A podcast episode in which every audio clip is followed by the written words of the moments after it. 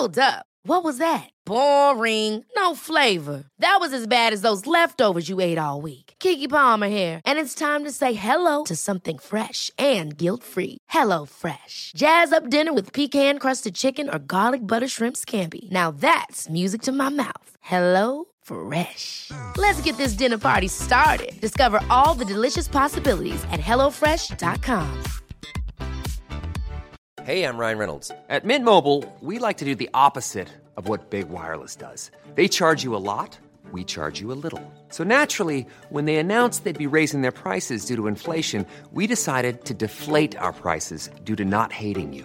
That's right. We're cutting the price of Mint Unlimited from $30 a month to just $15 a month. Give it a try at mintmobile.com slash switch. $45 upfront for three months plus taxes and fees. Promo rate for new customers for limited time. Unlimited more than 40 gigabytes per month. Slows. Full terms at mintmobile.com.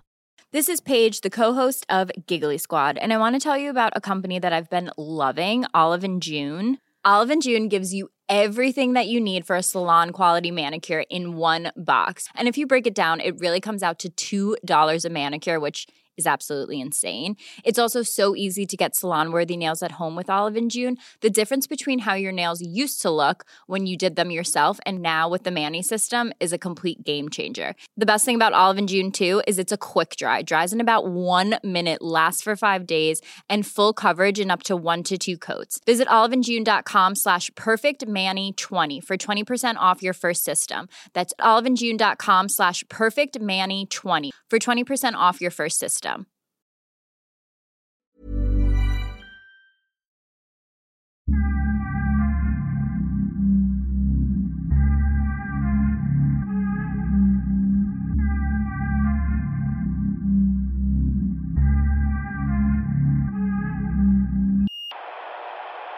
Hur, hur länge har du varit rektor?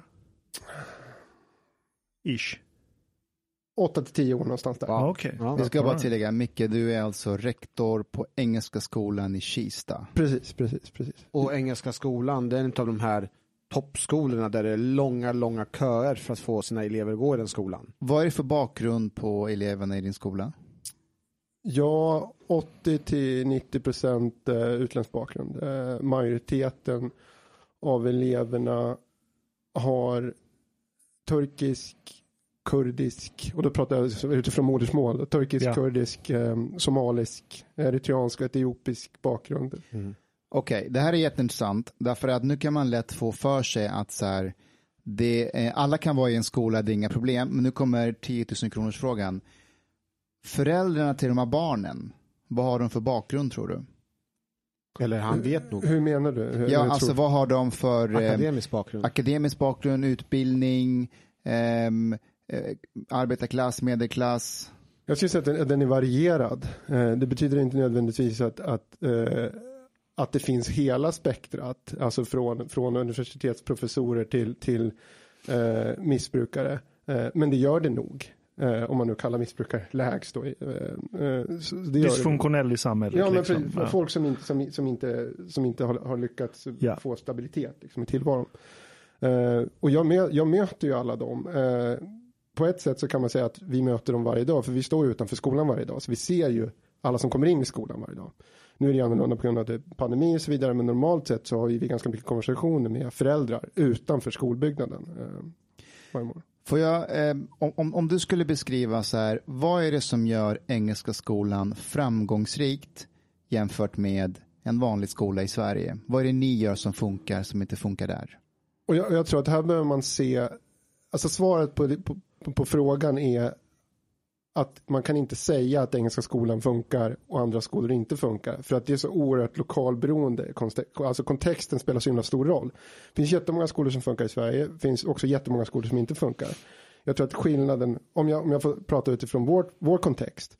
Så tror jag att en skillnad som, som, som verkligen är tydlig hos oss. Så, som jag tror att du också har sett Hanif. Um, det finns inget tvivel i vår skola om att eh, det här är ett utrymme där barn och vuxna samexisterar och där lärande är fokus. Men det är de vuxna som, som, som, har, eh, som har ansvaret här inne. Det, det, är in, det, det finns inte på något sätt någon tvivel om det. Och just vuxenansvaret tror jag är det som Engelska skolan lyckas lyckats förmedla ganska, ganska väl. Eh, och, och då pratar jag kanske inte bara på på det, det akademiska planet utan även på, rela, på relationsplanet. Men Va, va, menar du, vänta, vänta, vad menar du med vuxenansvaret? Vad specif- jag förstår inte specifikt. Ja, då tänker jag så här att om ett barn kommer in i ett utrymme där det är de vuxna som uttalat och tydligt har ansvaret så är det också de vuxna som uttalat och tydligt har mandat att styra upp verksamheten så att den fungerar. Och det handlar inte om, om vad, vad vuxna vill göra utan vad de har ansvar att göra. Så det handlar om att uppfylla barnens behov och inte deras önskningar. Right. Har det här någonting med ledarskap att göra? Det borde det väl göra. Eh, samtidigt så har vi en lång tradition i Sverige av att, un- av att undervärdera ledarskap. Eh, jag har en ovan att bli förbannad när jag tittar på eh, Barnkanalen med mina barn. Varför det? Varför? Eh, för att boven är alltid en chef. Ha. Svinet Mhm. i varje story är någon som har makt. men är inte de flesta chefer psykopater, Mikael? Jo, men de är det av ett, De är funktionella psykopater. de, är, de är det av ett gott skäl. Det är inte så jävla lätt kan jag säga att styra upp alla idioter. Är du en sån här som får den här tidningen Chef hemskickad till dig? Jag har aldrig fått den. Okej. Eh, men jag tror att det, det beror på att jag inte finns på någon mejllista. Det är någonting pretentiöst när jag är hemma hos människor och de har tidningen Chef på sin så här, eh, matbord eller... Ja, men det är tidningsvärldens LinkedIn typ. Ja, det är Men, det. men jag tänker Micke, för, för våra lyssnare som inte ser dig, du ser ut som en blatte-wannabe, du har uppkavlade armar, det är tatueringar överallt, du har jihad-skägg, inte salafi-mustasch, men eh, Det är väl ordentligt mer viking, välansad. det där är ju vikingskägg. Vikingskägg, om så. jag- Eller Alltså, sufi, sufi-skägg. Men jag har alltid liksom. sett mig som en landsbygdskurd. Mikael ser ut att passa alldeles utmärkt på Söder. Där Ja, hade man inte faktiskt. sagt att han är blatte. Nej men han passar jäkligt bra in i förorten också. Och jag vet nu, nu var han ju väldigt så här, så här eh, trevlig men när Jag vet, han, jag, vet, jag vet vad du kommer säga. men, men när, han, alltså när han går, han ser ut som en arg kurd. och, jag, Hur går en arg kurd? ja men, eh, Mick, du fattar vad jag menar. Ja, och jag vet och grejen det. är Ja, jag att, och grejen det. att jag tror, alltså det här, det här är inte omed, alltså det här är medveten. Det här är medveten strategi tror jag. Eh, det vill säga när Micke går, då syns det. Alla ser det. Eh, ungarna backar. Ingen tjafsar med Micke i hans skola. Vart, vart bor du någonstans Micke? Jag bor på landet utanför Uppsala. Eh, jag bara berätta roligt, för jag skickade en bild till Hanif, eh, för att han har väl på något sätt pitchat in det här tänker jag. Och då vart han, vart du lite, lite besviken på att bilden var så jävla lantbygdsmuppig. Jag sitter på en, sån här, en moppe med en hagelbössa uppslängd över axeln och, och så här, lantiskläder. Liksom. Det väl ganska badass ändå. Moppe, shotgun. För, för grejen är, eh, om jag får bara utveckla det, vad jag ser utifrån mitt perspektiv, för jag, jag som, eh, som områdespolis, jag är i kontakt med alla rektorer. Och nu vill inte jag på något sätt dissa någon skola, men jag ser skillnad på ledarskap och ledarskap i skolan. Och jag ser också hur ledarskapet i rektorn, hur den påverkar dels eh, lärarna och hur det också överförs så småningom till eleverna. Och där där jag uppfattar att om man har en väldigt tydlig ledarskap så blir det väldigt tryggt för eleverna. För då vet de vart de har sina lärare, varandra och då blir det lugn och ro. Det är när man inte vet hur ledarskapet är, när inte ledaren, läraren är förutsägbar, det är då det blir jobbigt. Det är samma sak som föräldrar hemma. Ja. Alltså, är du inte förutsägbar, finns det inte tydliga regler, struktur. Och nu säger jag inte att det ska vara jävla eh, liksom, träningsläger hemma. Utan det ska finnas portioner av frihet och lek och experimentering och misslyckanden. Allt det där ska finnas. Men det måste finnas en bakomliggande struktur. Annars blir det, det blir kaos på en gång. Men alltså, du är, alltså jag kan inte understryka, du har ju helt rätt där. Alltså jag, jag var med i radio en gång och fick prata om, om vikten av disciplin. Ehm, och då, jag, tror att jag, jag tror att jag berättade då, men jag är ju ökänd i min, i min kompiskrets för, eh, för en metod för att få barn att somna själva. Okej. Eh, där, där liksom slutsatsen är att man vill gärna ha resultatet av mitt arbete, men man vill inte göra jobbet. Eh, och, och nu låter det som att eh, jag gör något fruktansvärt med barnen. Det gör jag inte, men, men allting kräver ju, vill man nå ett resultat med sina barn eller som, som rektor eller som lärare så måste du, måste du ha en idé och den måste vara konsekvent och du måste ta till alla möjliga lagliga medel för att genomföra den. Det är liksom där, där du hamnar. Eh, så just som jag uppfostrar mina barn, och det låter så sjukt pretto, men jag får stå för det. Så agerar jag med varenda unge i min skola. På exakt samma sätt. Hur då? Jag blir lika förbannad, jag blir lika glad. Jag visar, nu är det svårt i, i, i pandemin, liksom, man får inte röra vid folk, men, men, men visar lika mycket fysiskt som, som verbalt vad jag menar för någonting. Eh, och det, och det, här, det här är inte något som alla är bekväma med. Eh, men för mig är det det enda sättet. Eh, för att jag, det är det enda sättet jag kan vara på. Du säger att, det är, att du tror att det är, det är påhittat. Jag tror mer att det är liksom ett, en, en, ett resultat av mina erfarenheter. Som förälder eller som rektor? Som människa. Alltså, jag, jag försöker väl vara på ett sätt som jag skulle begripa. Eh, om jag inte var chef så, så vill jag att den som ledde mig skulle vara så här tydlig hela tiden. För att då vet jag vad jag ska göra. Och det är just det, förutsägbarheten är, är, är, är nyckeln skulle jag säga. Men menar du att just de egenskaperna, alltså en, en vuxenvärld som är närvarande, tydlig ledarskap och förutsägbarhet, är det, saknas de aspekterna i en skola i Sverige någonstans där, där det inte fungerar? Absolut. Fast det saknas också för att det inte efterfrågas. Från, alltså från vem? ingenstans i våra styrdokument eller i våra pedagogiska dokument så finns det någon kravspecifikation på vad ett gott ledarskap är.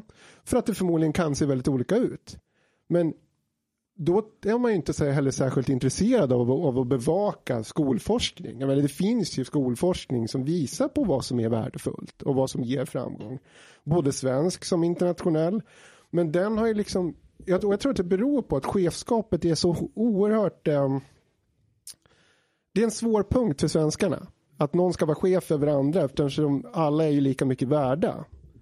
Eh, och då, då mixar man det och tror att om någon är chef så, så blandar man liksom upp korten lite grann och tror att det, att det är för att den, den ska vara mer värd. Men det handlar inte om det. Man har, eh, vi hade ju Anna-Karin Wyndham här förut och hon, eh, hon sa att man har blandat ihop eh, auktoritär med auktoritet. Eh, Man tror att det är, att, att det är samma sak. Eh, och och jag, det saknas en så här, auktoritet bland lärare på, på ett sätt som finns i många andra kulturer. Alltså, jag, jag sa det här med henne att, att från de kulturer människor kommer ifrån, eleverna, där, där är lärarna väldigt, det finns en stark auktoritet och att föräldrarna har lämnat över det mandatet till läraren. Jag menar, du har gått i Iran, jag har gått i Iran, eller hur? Nej, jag har inte gått Jag är fan mujahedin. Du, hur gammal var du när du kom hit? Jag var ett. Ah, okej. Men okej. alltså, mina minnen från svensk skola, och jag gick faktiskt i Kista. Ja. Eller tills jag var nio bodde jag på Ekerö. Men från att jag var nio så flyttade vi till Kista. Så då gick jag i Igelbäcksskolan där och sen Ervingeskolan. Och jag har inget minne av att det var problem med auktoritet. Det fanns auktoritet ända fram till då, vill jag minnas. Det kanske började luckras upp då, jag vet inte. Men det var väldigt tydligt vilka gränser det fanns. Det var elever som liksom, du blev inte insläppt om du kom för sent efter en viss tid. Stökade du mer än två, tre tillsägningar. Det är så här, ut, du får inte vara här inne. Bort med dig. Det var väl så här jättevanligt förekommande. Om man var i en klass där det fanns några stökiga elever. Det var inget så här daltande som jag läser om att det är idag. Men jag, jag tror också att det, man, alltså, problemet är väl just det här med önskningar och behov. Alltså, barns, barns önskningar och deras behov är inte samma sak. På precis samma sätt som det inte är samma sak för oss. Alltså, eh, om vi tar den här PT-grejen då. Alltså, mitt behov kanske är att jag skulle behöva ut och springa lite oftare. Men min önskning är att sitta och titta på när andra springer eller spelar fotboll i Premier League. Och precis som för barn då så, så eftersom vi är så oerhört måna om barnens välbefinnande, vilket är ett jättestarkt eh, kort i Sverige, alltså och det är superviktigt, jag, jag är 100% med på det. Men eftersom vi är på det sättet och har den tankebanan så fastnar vi ganska lätt i att ett barn som gråter är ett barn som har blivit felaktigt behandlat. Ett barn som är argt är ett barn som har fått sina rättigheter kränkta. Och ett barn som eh, inte lyder instruktioner har inte blivit bett på rätt sätt. Och det är inte så.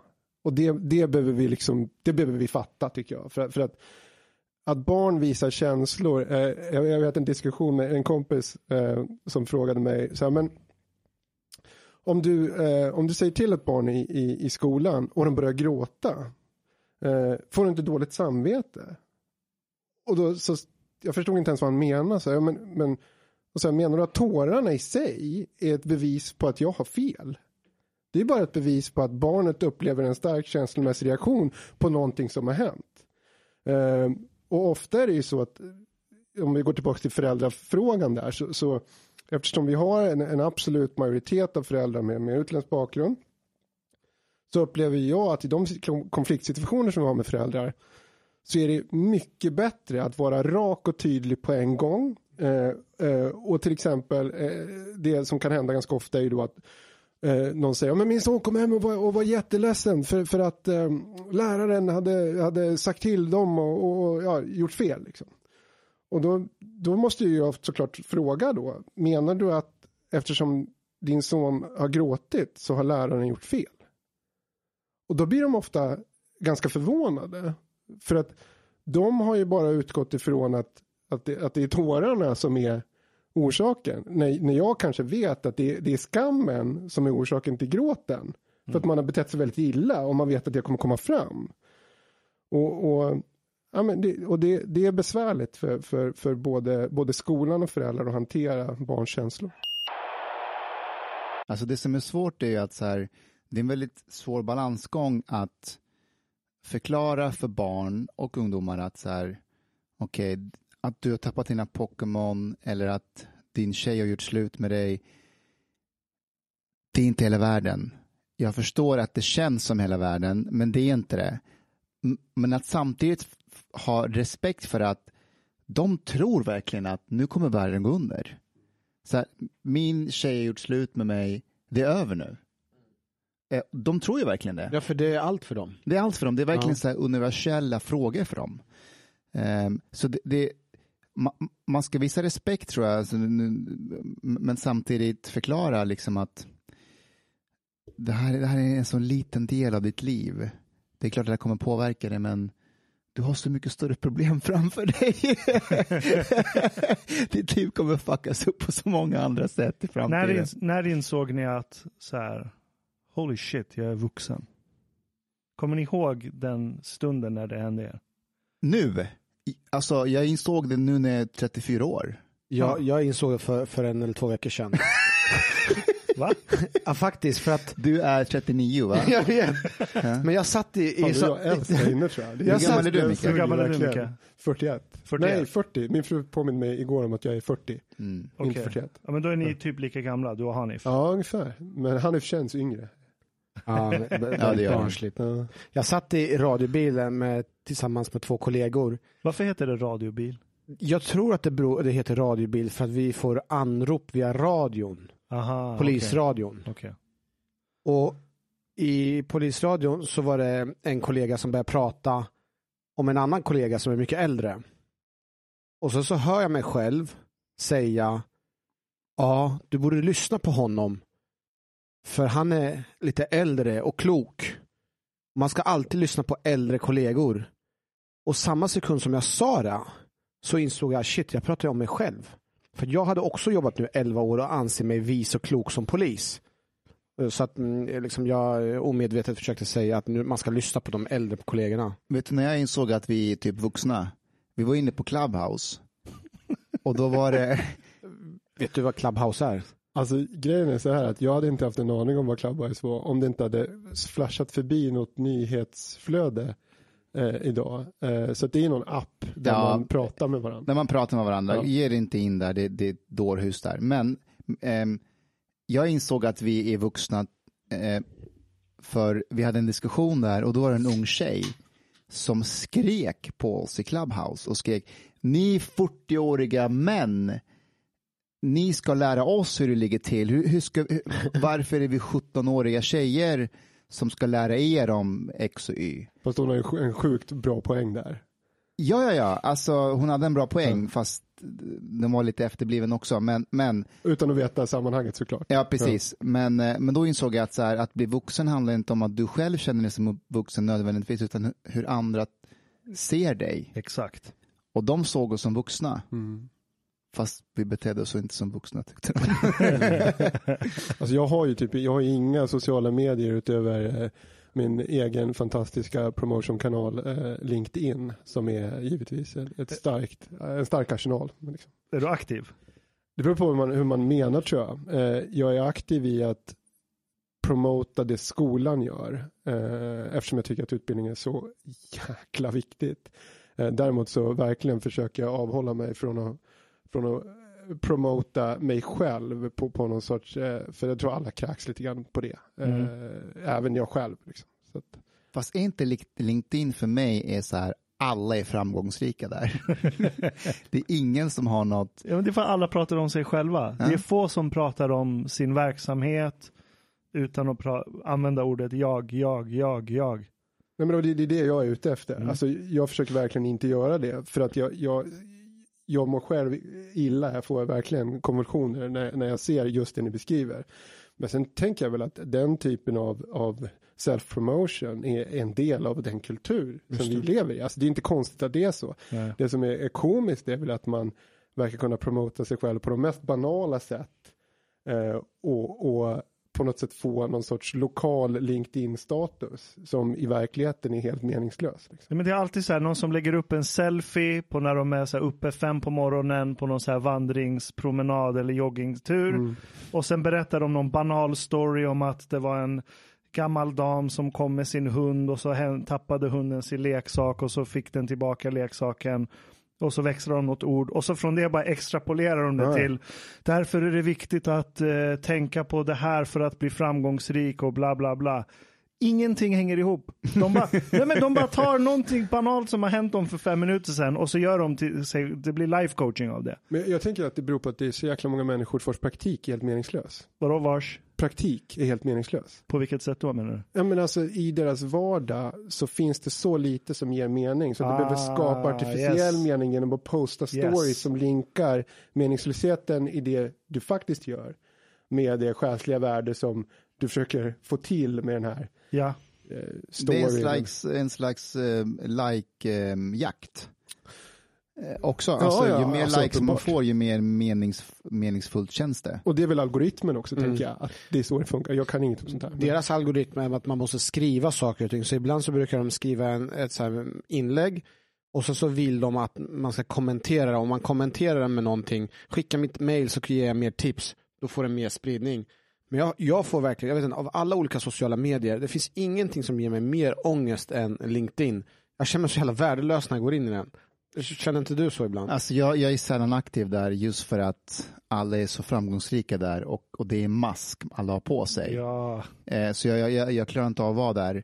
Och sen är LinkedIn lite lurig och för att om jag inte är aktiv där på sig en, två månader, då har jag så här 48 nofi- notifikationer. Men det har inget med mig att en göra. trigger för att du ska gå in. Ja, Så- fast man tror att det har med det att göra, men det är typ så här, den här kontakten du känner har likat det här inlägget. Man bara, jag bryr mig inte.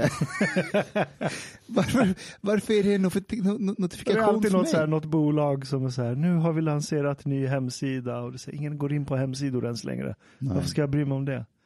Jag är aldrig inne, jag har tänk- gett upp den. Jag tänker bara en, en grej som är ganska rolig med det där. Det finns ju de som, som eh, verkligen har, har, har utnyttjat LinkedIn på, på det sätt det är ämnat tror jag. Alltså att pusha meningslösa one-liners i en schysst bakgrund. Där det står typ så här. Älska alla, likea om du håller med. Och så här, är du på riktigt människa? Liksom, är det här ditt liv? Och sen under det så står det liksom så här. eh, life coach, eh, fantastic entrepreneur. Och så um, Avesta top 500. Och man, man, men på riktigt liksom.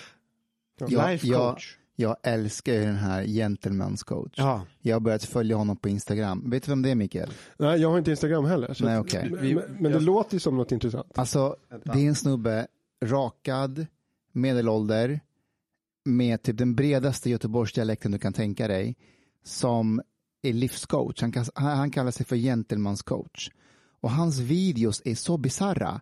Det är så här 04.30 så står han ensam på ett gym och boxas mot eh, en, en, säck, en säck. Kan du ta fram den videon Hanif? Ta Säcken, fram när han bo- boxas mot en säck. Så fint att du är där och jag är här på gymmet igen. Ogräs. Ogräs som tar över Du är allting som Claes Ingesson. om inte du rensar det. Och det var det jag insåg i mitt liv. Så fort jag lät ogräset bara växa och växa och växa så mådde jag sämre och sämre och sämre. Och samma gäller i ditt liv. Det gäller att ha koll på ditt ogräs och börja rensa! rensa, rensa, rensa, precis! Rensa bort ditt ogräs! Allt ogräs, rensa, rensa, rensa! Precis! Ge det bara! Rensa, precis! För vill du ha det bra så gäller det att rensa, rensa, rensa, precis! Mata på, mata på! Step it up! Level up! Ta hand om ditt liv, för du är brutal, magnifik, fantastisk, brutal, magnifik, fantastisk. Fatta att det är så! Och det är så. Ha- Han har Om du vill äta goda frukter. 60 000 följare på Instagram. Alltså det är inte, det är inte nobody. Nej, det är nej, nej. folk som hör av sig till honom och betalar honom 36 000. 36 000. Fortfarande influencer-status. Ja. Men, men alltså, först, så tänk, först så skrattar jag lite grann. Men sen så tänker jag, fan vad befriande. Det här är ju kanske vad unga män behöver höra. Matta på, matta på. alltså jag, jag behöver inte höra det, för jag anser mig vuxen nu. Men kanske unga killar, jag vet inte, kanske årskurs sju eller någonting, behöver ha den här Alltså, mata inte. på, mata på, mata på. Jag tror du ser igenom, men där kom den här, han är ju anti-LinkedIn på ett sätt, men bara den här banala grejen som alltid måste finnas där. Du måste hitta ogräset i ditt liv. Så vad fan betyder det? Men vad fan. Vad betyder det ens? Men alltså han, han gör att människor går upp på dagen, kämpar hårt. Man tycker synd om sig själv, men den här mannen som vi förväntas vara, han, han coachar dig. Han, liksom, det kanske, du skrattar att du inte behöver det, men det finns många som Men behöver jag det. behöver förebilder också. Jag har också haft Men, förebilder. men kolla, jag, jag, alltså, det han säger, den här livscoachen, det är ju inte fel i sig. Han säger ta hand om ditt liv. det Grejen är är ju att, Jordan B. Peterson. jag skulle precis säga det, att, att vissa människor eh, blir inf- influerade av, av Jordan B. Peterson för att han ser det på ett intellektuellt sätt, på ett sätt som du eh, tycker om och känner igen. Andra är lite mer efter, de behöver honom. Så alla Alltså, om, om, man, om man kollar på Gentlemen's coach och det förbättrar ditt liv, good for you. Jag dömer inte. Men det är det är, jävligt bra underhållning. Det är roligt. Det är bra underhållning. Men jag tänker också att, att som det där då, alltså om det fyller en funktion i folks liv, fine. Eh, pro problemet tänker jag är att många gånger så får vi det vi vill ha och inte det vi behöver. Alltså, och jag har själv läst eh, Jordan B. Petersons eh, böcker, inte alla men, men, men någon av dem åtminstone. Och problemet med, med hans, alltså ur mitt perspektiv med, med, med, hans, hans eh, verk är ju att han själv inte följer dem. Alltså är det någonting som man behöver, behöver på något sätt försöka förmedla som, som om man framställer sig på ett visst sätt, det är att man följer det själv. Och sen så finns det väl att, alltså han har ju liksom säkert skäl till varför det, det liksom, hans liv är instabilt och sådär.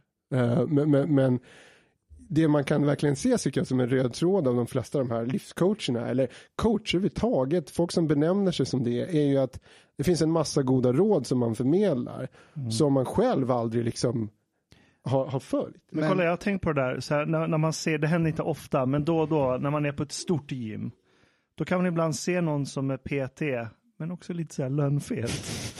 Då blir man så här, what? Så här, vågar jag lita på den här personen? Sen finns det någon skröna, även om det här är sant, men att en av världens bästa simtränare inte ens kunde simma själv.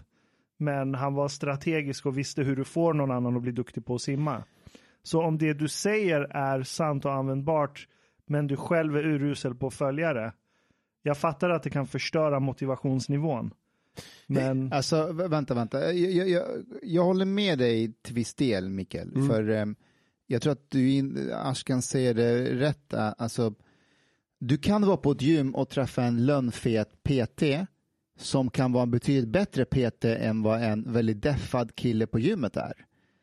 För den deffade killen på gymmet eh, kanske har bra genetik, äter hamburgare varje dag men går på gymmet och har magmuskler och så tänker du så han kan träning men så behöver det inte alls vara. han Medan kanske en- bara har skitbra gener och är Exakt. sämst på träning. Exakt, medan alltså, till exempel eh, bara för att du är en väldigt bra fotbollsspelare betyder det inte att du kan bli en väldigt bra tränare. Nej, nej, nej, absolut inte. Men, men, Men så- jag fattar vad du menar. Det, alltså, det, man blir väldigt skeptisk. Eller jag blir det i alla fall. Ja, men alltså, jag tänker så, om vi pratar om den feta eh, snubben på gymmet som är PT, eller om Jordan B. Peterson, om vi tar honom som exempel. Alltså jag, jag ser det här som ett, som ett sorts ledarskap. Och om man vill leda, eh, alltså i, i, mitt, i, i, i min värld, då behöver man, behöver man leva det man förespråkar för andra.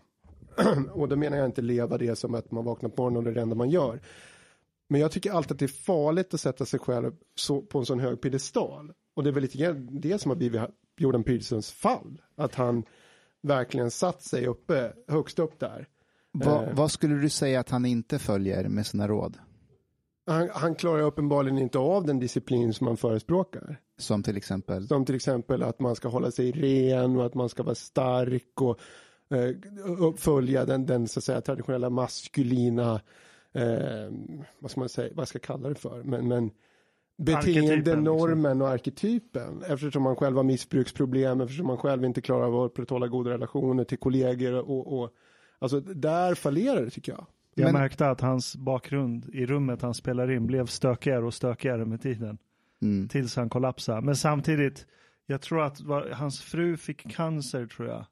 Just det. Och sen av... Så han började ta antidepressiva medel. Ja, och sen blev han beroende av det. Alltså, eh, så här, det mesta är en tolkningsfråga. Men man ska vara helt ärlig, det som har hänt honom, och jag har läst på en del varför han hamnade där, så visst man kan diskutera det, men för mig har hans råd blivit faktiskt mer genuina i och med att han har visat sig också vara mänsklig. Alltså, han är ju inte perfekt. Han, han, han felar också och så börjar han om på nytt igen. Jag blir ju mer eh, tveksam om en person inte har några brister alls.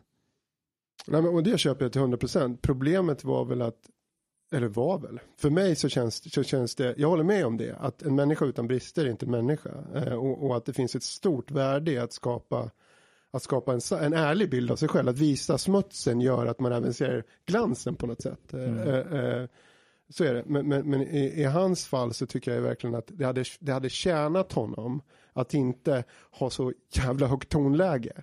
Eh, Men å andra sidan är det liksom kanadensisk slash amerikansk kultur. Det, det är svårt att, att jämföra det med, med, med Sverige. Liksom. Ja. Eh, Men hans, hans råd skulle jag säga ändå har, har, har, har, värde för, även för mig själv. Det är inget fel på råden i sig. Vilken råd är det du har anammat? Nej, men, och jag tror väl att det, det beror på att jag själv är, är en troende person också. Det är inte så svårt att härleda många av de här budskapen från, från, från den, den eh, en traditionell kristen utifrån, vad jag känner till, så att säga, eh, grund. Jag, jag är själv eh, medlem i Svenska kyr- kyrkan och, och alltså lutheran. A- arbetsetiken för mig är sjukt stark. Det betyder ju inte att jag inte någon gång är lat, men det betyder att grunden i mina i mitt sätt att vara professionellt och privat handlar om att arbete i sig är en gåva. Att, att man har arbetet, man får utföra ett jobb och att man får bli helt utmattad i sig är någonting som man ska känna oerhört tacksamhet för. Eh, När, när jag tänker tillbaka på mitt liv, det låter som att jag är väldigt gammal, men ehm, jag har ju under mitt liv stött på falska profeter Mm. som har utgett sig för att vara någonting de inte är. Men när jag tänker tillbaka så är jag väldigt tacksam de här falska profeterna, därför att det de har förespråkat har de själva inte följt, men det har fått mig att inse att de sakerna är viktiga. Alltså det har varit en slags projicering på, på många sätt, men jag är faktiskt tacksam dem. För att- Kan du konkretisera vilka du pratar om? Asfet Kent-låt by the way. Ja, falska, Falska profeter. profeter, Jag ja. vet, jag lyssnade på den på väg hit. Det är sant. Det var därför jag sa det också. Ehm, nej, men jag vill inte gå in på eh, eh, exakt. Till exempel så var jag i ett, i ett, i ett förhållande där, där eh, i, det i det förhållandet med den här personen så var eh, lojalitet, ärlighet, eh, respekt väldigt viktigt för den här personen. Men personen själv följde inte de dygderna eh, själv, bröt mot dem jämt. Det var viktigt för, för den personen att du följde dem. Du, Exakt, exakt. Men det fick mig att verkligen inse att det här är jätteviktiga dygder att följa. Att vara ärlig, vara lojal, ha varandras rygg. Sen att personen själv inte följde det, ja det var ju synd, men ho- hon fick mig att inse att det här är viktigt. Tack för att hon ständigt förespråkar de här dygderna. Ehm, Du, på tal om falska profeter och coacher. Du är också en coach. nej, säg inte så. Fem, fem råd till Hassan. Du försöker coacha ensamkommande. Av de här fem råden, jag bara är nyfiken Mustafa, Alltså, vilken utav han dem? smörk, smile i sitt ansikte nu. Alltså. Det är, därför, det är därför vi borde göra video på det här, så folk kan se hans ansikte. Intellektuell extas. jag är bara nyfiken av de här fem råden till Hassan som var en av de mest lästa inläggen i kvartal. Vilka av de här fem råden är det du själv har följt? Okej, så jag skrev en text för kvartal som hette eh, Fem råd till Hassan, där jag, eh, eh, men till exempel, så ett, ett, ett av råden var gör lumpen. Och så, Förklara för Micke, han, han kanske har nog inte Nej, men koll. jag, jag har faktiskt, jag, jag har kollat. Du har kollat? Ja. ah, okej, Ja, jag jag. beklagar. Men, ehm, Eller ja, det var inte så många bilder, men jag har läst. ja. Nej, men ett av råden var till exempel gör lumpen. Har du Eh, gjort lumpen? Jag har inte gjort lumpen därför att eh, jag ville göra lumpen men jag var inte svensk medborgare. Men så- du är svensk medborgare nu? Ja, men nu blir det ju, värn, nu blir det ju hemvärnet i så fall. Det är som korpen liksom. Exakt, då är det så halvfeta Okej, gubbar. en som giltig är... orsak. Jo, jo, nej, nej, men vänta. Men, men, men, Jag har gjort lumpen, jag har följt ditt råd där. jag bara undrar. men vänta. Ja. Jag har inte gjort lumpen, däremot så har jag gått polisutbildningen. Och det är typ det närmaste man kan göra lumpen på ett sätt. Alltså det är, det är ändå en miljö där alla förväntar sig saker av dig och där ditt ursprung inte spelar någon roll. Så typ det. Ehm, jag säger, jo, jag vet att ett av råden som du inte tycker om i den texten är att lägg, lägg till ett extra namn i ditt namn. Det har inte jag gjort, men jag har tagit bort ett namn. Vilket namn? Eh, Så när vi kom till Sverige så hette jag eh, Mustafa Mohammed Panshiri. Så jag tog bort Mohammed för det blev lite för arabiskt. jag, vill, jag ville ha ett break när jag skickade mitt CV liksom. Så jag tog bort Mohammed, så Mustafa Panshiri bara. Och jag har faktiskt seriöst tänkt på att byta mitt namn från Mustafa. Jag, jag, jag har inte känt mig som en Mustafa när jag växte upp. Men vad, vad ska du byta till? Nej, men jag tänkte typ björn. Nej, jag skojar. Eh, nej, men, men, men jag har inte gjort det. Men än en gång, de råden. Ja, det var nummer två. Vilka råd var det mer? Det var ju Det några var som var riktigt bra råd nämligen. Det var det behärskade svenska språket. Eh, och så förklarar jag varför det är viktigt att förortssvenskan till exempel kan samexistera med majoritetssvenskan. Man måste inte välja, men du måste kunna behärska eh, majoritetssvenskan. Micke, har du någon tanke kring hur viktigt det här med språket är? Det är ovärderligt, det går inte att beskriva. Ehm, jag, jag håller helt med dig. Alltså, det, det är ju... Alltså, det går inte ens att sätta ord på hur viktigt det är. Det, det där är gränsen mellan om du tillhör eller inte. Alltså, eh, och då pratar jag majoritetssamhället utifrån de förutsättningar du har för att få jobb. Alltså, det pratar, jag pratar inte här om mina åsikter utan, utan erfarenheter av hur det går för elever sen. De som klarar av att växla mellan, mellan förortssvenska eller vad vi nu kallar det för slang och vad vi nu pratar om som ett svenska som det professionella språket i, i, i arbetslivet har ju enormt mycket större möjligheter. Eh, och, och det är ju något som, som, som i min verksamhet som vi sätter oerhörd vikt vid. Att verkligen försöka få eleverna att förstå att, att man bara för att man klarar att växla mellan olika typer av, av sociolekter så förlorar man inte sitt värde. För det är det som oron är. Ångesten handlar ju om att om, om jag börjar prata som rektorn, även om de inte säkert tänker säkert på mig då, men som exempel, så kommer jag sluta vara eh, eh, Josef eller Adam från, från Rinkeby, eller, eller ja, Kalle eller Husby, var man nu kommer ifrån. Men man tappar ju sin sociala status i den kontext man är i när man inte är i skolan. Eller till och med med, med de man hänger i skolan, tänker jag mig. Ja, man gör det där och då. Men det man torskar till slut är ju förmågan att ta sig någon annanstans. Ja. Och, och nu låter det ju som att det här behöver man ju vara försiktig med. Eh, då som att det, det, det, det, man kan inte bo i de områdena, klart man kan. Men någonstans är det ju skolans uppgift att hela tiden höja levnadsstandarden för de elever, elever och, och generationer som kommer efter. Och då behöver vi tala om saker på, på ett sätt som är sant. Vi, vi, eh, alltså svensk skola har ju haft en lång tradition av att, tycker jag, skönmåla att allt, är- allt är lika bra och allt är alltid perfekt. Liksom. Du får vara precis som du vill eh, och allt kommer bli bra. Det är inte sant. För att konsekvenserna av det ser vi ju idag. Eh, in, in, inte bara där, där jag arbetar utan överallt i samhället. Eh. Men är det inte alltså att man, det finns en verklighet och sen så finns det en, någon föreställning vad man önskar sig vara. Och skolan håller på hela tiden målar upp önskemålet istället för att prata om verkligheten. Ja, så skulle jag säga att det är. För att jag skulle beskriva det if, eh, med, som, som önskningar och behov. Alltså, men det, det är samma sak. Alltså, men det här går ju jättelångt tillbaka till alltså, pe- vilken pedagogik som har fått genomslag i Sverige eh, och vilken typ av, av eh, ideologi som ligger bakom läroplaner och kursplaner, alltså alla sådana saker. Hur, hur gjorde du eh, barnen lära sig sova själva strategin? Vad var din? Eh, stoppa ner dem i sängen och gå därifrån, stäng dörren. Grejen är att jag, jag gjorde ungefär samma sak. Men jag är lite så här, jag, jag måste dubbelkolla allt innan jag gör någonting. Så jag började läsa studier på eh, så här, uppfostring av sömnbeteenden. Och det var något universitet i Israel. Där de hade mätt så här, saliv på barnen för att se stresshormon, stresspåslag. Eh, när de är glada, när de gråter i olika situationer. Eh, och gråtattackerna de kan få när man ska lära dem sova själva, de kan ju vara väldigt våldsamma. Alltså. Det kan ju låta som att de håller på att dör. Det är det sortens skrik, där du tror att det, det är någon djävul där som sliter isär ungen. Men av de gråten så tenderar de inte ha något stresspåslag.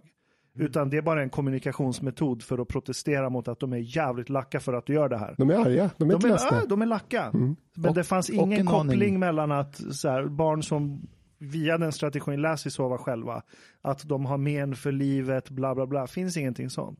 Men det är ju lätt att falla för det, precis som du säger i skolsituationen. De gråter därför har jag gjort fel. Önskningar och behov. Right. Det är också tacksamt med de här gråtattackerna för de blir så jäkla utmattade. Det är sant. Men det är för, då, får jag, då får jag dåligt samvete när de gråter och jag hör så här shit, hon orkar inte gråta längre. Och sen bara däckar hon. Då blir jag så här, damn it. Det, känns evil. Men jag vet att Ja, men- this is gonna hurt me more than it's gonna hurt Men det är you. helt normalt för att man är förälder. Mm. Det gör ont. Alltså det psykopatiska var det ju om det inte kändes. Om det inte gjorde ont. Ja, men också att eh, absolut, jag håller med dig. Om det inte hade gjort ont alls, det hade varit något så här, det kunde ha varit ett varningstecken. Men att man agerar på det och aldrig låter dem hamna i den situationen för att man tror att man gör sitt barn illa.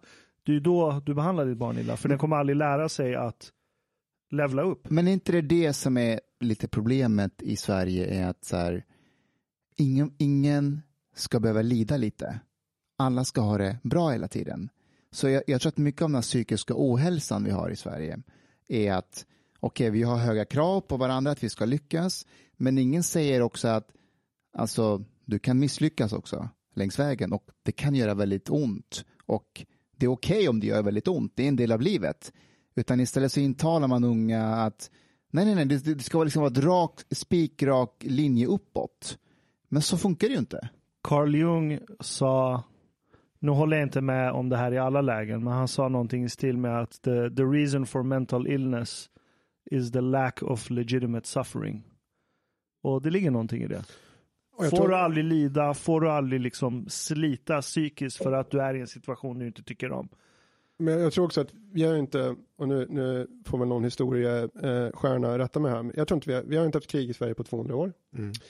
Vi har inte haft ett seriöst lidande eh, fram till pandemin. Om man nu räknar det som, jag, jag skulle säga att det, det är det. Liksom. det landet är, är, är i en krissituation under pandemin. Eh, de här 200 åren av fred och välstånd har gjort oss fullständigt eh, Fredsskadade. Ja, alltså, och jag menar inte, det finns ingen som önskar att vi skulle varit med i något krig, absolut Ja. inte. Men det har gjort att vi, vi har noll motståndskraft mot någonting. Eh, och det har också skapat problem i skolan för att alla ska ha A, men det är egentligen ganska svårt att få A i skolan, i ämnena. Alltså det, eh, och det skapar också en bild av att om man inte får A så betyder det att man har misslyckats. För att det är A man ska ha, alla ska ju ha bäst. Liksom. Och det, det är också ett sätt att missförstå hur betygssättning fungerar. För att det är rätt så komplicerat hur det fungerar. Och det fungerar inte så jäkla bra om vi ska vara ärliga heller. Men, men- men just den här tanken om jag menar, det här med, med, med lidande eller, eller motstånd. Alltså resilience är ett så himla bra begrepp tycker jag på engelska. Jag tycker det som beskriver vad det handlar om. Eh, eller motståndskraft då. Att vi saknar det i vårt land för att, för att vi inte har haft de förutsättningarna när det var nödvändigt. Men vi har otroligt många barn och unga som växer upp i utanförskapsområden där resilience is a goddamn necessary for survival. Och den kraften, tänker jag, utnyttjar inte vi idag. Och det är här lite grann så här, skolan kommer in. Om vi kan kanalisera den kraften så att, att förutom att ge dem en god utbildning så frigör vi liksom någonting som vi inte ens har i det svenska samhället i tillräcklig utsträckning. Och vill vi då på, på allvar vara en intellektuell ekonomisk stormakt så behöver vi den här kraften. Vi, alltså, det är en torsk för oss som inte får de här ungarna genom skolan. Eh, och oss menar jag då landet Sverige. Ja. Det pratas det sjukt lite om. Det pratas jättemycket om att det, det är så himla synd om, om, eh, om de här barnen. Det är synd om oss skulle jag säga, om vi inte lyckas. Jag tänkte på det när jag, var, när jag forskade inom akademin. Ja. Dels eh, när jag undervisade. Mhm, Har du undervisat? Ja, jag undervisade i fem år på Uppsala universitet. Ja. Så du är också lärare? ja, jag har ingen lärarlägg, men jag fick pedagogiskt pris och grejer. Vad undervisar du i? I organisk kemi. Alltså vad kan inte den här killen? Men, Han nej, kan allt! Alltså, jag är inte ironisk. Försök inte kompensera för att du har anklagat mig för att vara arbetslös i tre månader nu. Nej men... Men tack. Ja. Men en grej jag märkte, det var att eh, de nya senare kullarna, eh, jag lämnade akademin 2015, men de senare kullarna som kom från gymnasiet, det var något tydligt skifte för oss från kullarna som kom kanske 2012, 2013. Där blev det något skifte. Där baskunskaperna var väldigt låga. Men deras krav på vad, vad de trodde att de ska kunna, de var helt absurda. Det märkte jag jättetydligt. Men också, vi hade väldigt många utländska forskare som hade flyttat till Sverige enbart för att forska på universitetet och sen flytta någon annanstans. Eh, Så de hade ju ingen historisk bild av Sverige, ingen erfarenhet från Sverige, någonting. När de kom, jag hängde mycket med dem, och de var helt förvånade över hur det finns en forskningsinstitution som ska vara världsledande inom sitt fält. Där det är så här, folk kommer in klockan 8.30 och så har man lite massa fikapauser emellan och så går folk hem klockan 4. Medan de bara stod och köttade i så här 12 timmar i sträck på labbet, inklusive mig. Inte för att alla arbetsplatser ska vara så, men om du ska ge dig in i spjutspetsforskning och bara, okej, det är vi som ska lägga grunden för att nya entreprenörer ska kunna skörda de här frukterna och bygga framtidens bolag. Alltså då funkar inte vissa liksom, tankesätt kring hur en arbetsplats ska vara. Men speciellt när det kom folk från Kina eller Indien. Alltså de garvade åt den inhemska befolkningen ibland. Hur de såg det här som ett vanligt så här daytime jobb och sen bara gå hem därifrån. Har ni sett den här eh, story, eller hört den här storyn, det var någon konferens eh, i Europa någonstans eh, där olika länder träffades och man, eh, lärare och man skulle prata om ett prov som skulle göras samtidigt i hela världen. Och något, Tims eller något sånt där? Eller? något sånt där. Mm. Och, ehm, och den skulle göras vid exakt samma tid överallt. Ja, men det. Ja, okej. Ja. Och, eh, och alla ställer frågor om det här. Det kommer liksom olika sändebud från olika världen. Och, och så ställer en, eh, det, är någon, det, det är Japan tror jag, eller någon japansk delegation som har hand om det här och svarar på frågor. Och då är det en svensk lärare som räcker upp handen och säger så här, vad gör vi om, eh, vad gör vi om eleverna kommer för sent till provet? och, eh, och då översätter de det till den här japanska snubben. Han förstår inte frågan, så han ber om att få höra den igen. Mm. Och så lyssnar han igen och han fattar inte. Nej. Alltså, vad menar ni? Vadå, vadå kommer för sent Du, provet? det, jag kom på likadant, var det inte, gjorde inte ni någon reportage när ni åkte till Japan, du och... Det är därifrån det kommer. Men ni var också på, var det inte så här att någon utrikesminister var med i tåget eller liksom, det var någonting om just fängelsen och sådär, hur de... Beatrice Ask. Ja just det, berätta den också, den är också Ja, lika... men jag var, Ganman och jag skrev den här boken, Lilla landet som kunde, och det är vi i Japan. Eh, och så ehm, eh, några, något, ett år senare så var vi i Almedalen och då sprang vi på Beatrice Ask. Och eh, Beatrice Ask är vår förra, för, förra justitieminister. Och då berättade hon att, eh, att hon hade varit i Japan något år tidigare, gjort något besök, eh, studiebesök på ett fängelse där. Eh, och, ehm, och då hade hon frågat liksom, snubben som guidade henne att eh, hur, hur gör ni här med, med droger i fängelset? eh, och då hade han sagt, vad menar du? Ja men hur stoppar ni liksom smuggel av droger och så? Och då sa han, det här är ett fängelse, det finns inga droger här. och hon hade också varit på något studiebesök eh, i tunnelbanan i Tokyo. Så ja. Och då, um, var det en kille som guidade henne och så eh, eh, vid perrongen så håller de på att bygga om tunnelbanan. Eh, och det står en massa så maskiner. Eh, då har de lämnat för dagen och, och gått hem. Och då frågar Beatrice Ask den personen att men hur, hur hindrar ni så att ingen eh, stjäl de här dyra maskinerna? Och då säger han, jo men vi har ett avspärrningsband kring det. Och då säger Beatrice Ask, men man kan ju bara kliva under eller över avspärrningsbandet och stjäla dem ändå. Och då säger den personen, nej men det står på av, avspärrningsbandet, gå inte innanför avspärrningsbandet. Men vet du vad jag tänker här? Det, exakt det här, det är det här som jag tror att vi har stora problem i förorten där det finns eh, många som bor där vill genuint veta en massa saker om vårt land och hur saker och ting styrs. Och när de ställer frågor till oss så kan vi framstå också som, vi tänker att de är idioter när de ställer sin fråga. Eh, som exempelvis eh, så, så var det en mamma, eh, somalisk mamma, som kom fram till mig och sa så här, Hanif, eh, jag har sagt det till din polischef sedan länge sedan, det här är inte första gången, men jag har en plan på hur vi ska lösa med all kriminalitet som vi har här i området. Ja, vad är det då? Skicka hem dem. och jag tänkte, vad då? Nej men jag menar allvar, om det, om det är min son som har gjort någonting, det är bara att skicka tillbaka på en eh, tillbakaresa, liksom en uppfostringsresa till det hemlandet. Och jag är övertygad om att sådana här frågor ställs om och om igen, de här diskussionerna med oss som har olika professioner. Men vi tänker ibland, vad fan är du dum i huvudet? Vi kan inte skicka hem något jävla barn.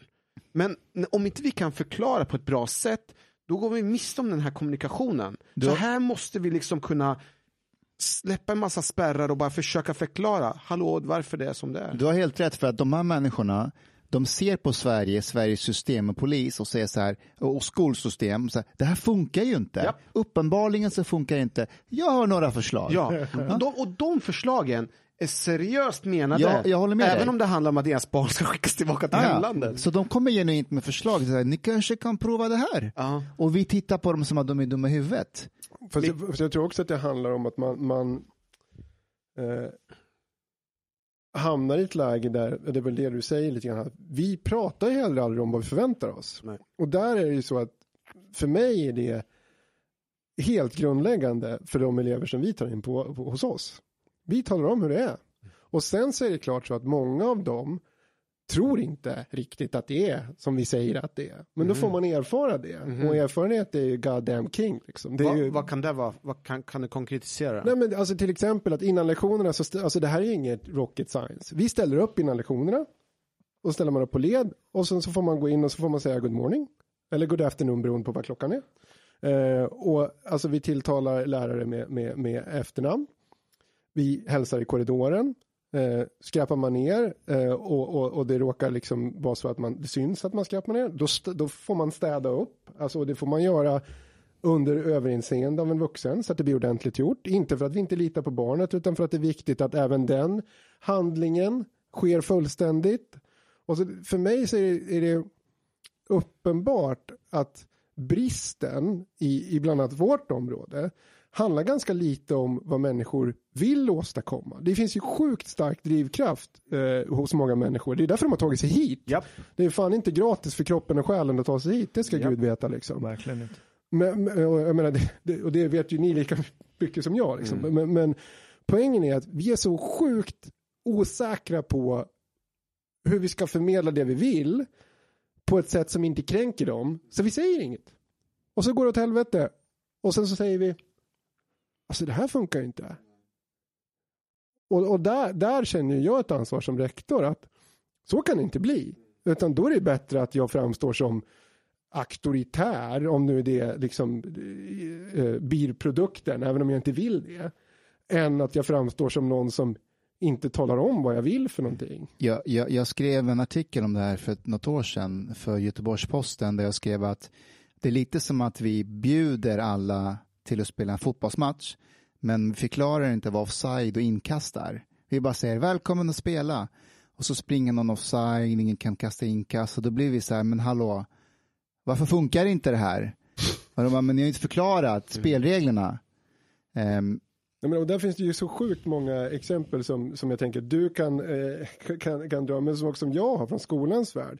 Mina möten, när jag, när jag, när jag kom till, till den arbetsplats jag är på idag, 2018, så hade jag ehm, ganska många möten med föräldrar av oerhört eh, osvensk karaktär. Alltså aggressiva konfrontationer.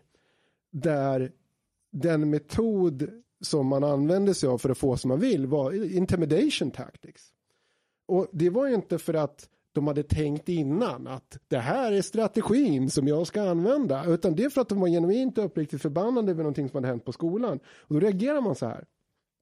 Men kan det inte vara så att den här typen av metoder i andra sammanhang har funkat? Det är klart de har funkat. Ja. Det, det, det och att de, de tror att det här är en framgångsrik metod. Det har funkat på alla andra ställen, men nu kommer de till en skola där vi har en rektor som har tatuerat armarna och han tänker inte backa. Men han kommer möta dig.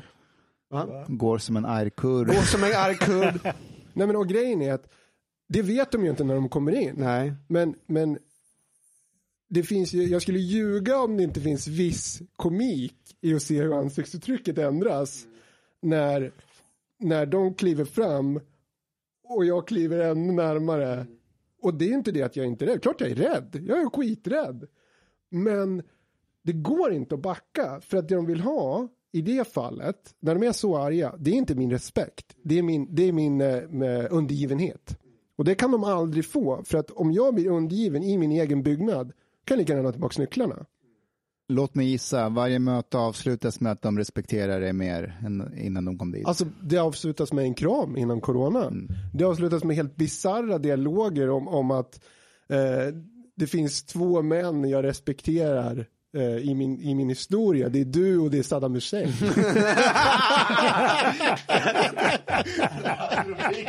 vänta, vänta, vänta. Hur tar du det då? Så här, å ena sidan tack, å andra sidan. Alltså, alltså, nej, men, alltså det är ju, det, den här historien är ju sinnessjuk. Men, men, men, men alltså, för att göra en lång historia jävligt kort så var det eh, en förälder som jag hade mycket kontakt med. Jättemycket kontakt, alldeles för mycket kontakt för bådas hälsa. Um, och det var ett sånt där möte där um, jag behövde verkligen få den här, den här föräldern att förstå att här är gränsen nu liksom. Nu, nu, nu funkar det inte längre.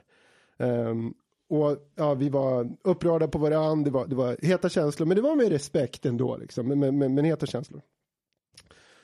Och sen kommer jag inte riktigt ihåg vad som hände, men jag, alltså det handlar ju oftast om att hitta rätt, rätt perspektiv. Att få föräldrarna att förstå, din son är min son under åtta timmar om dagen.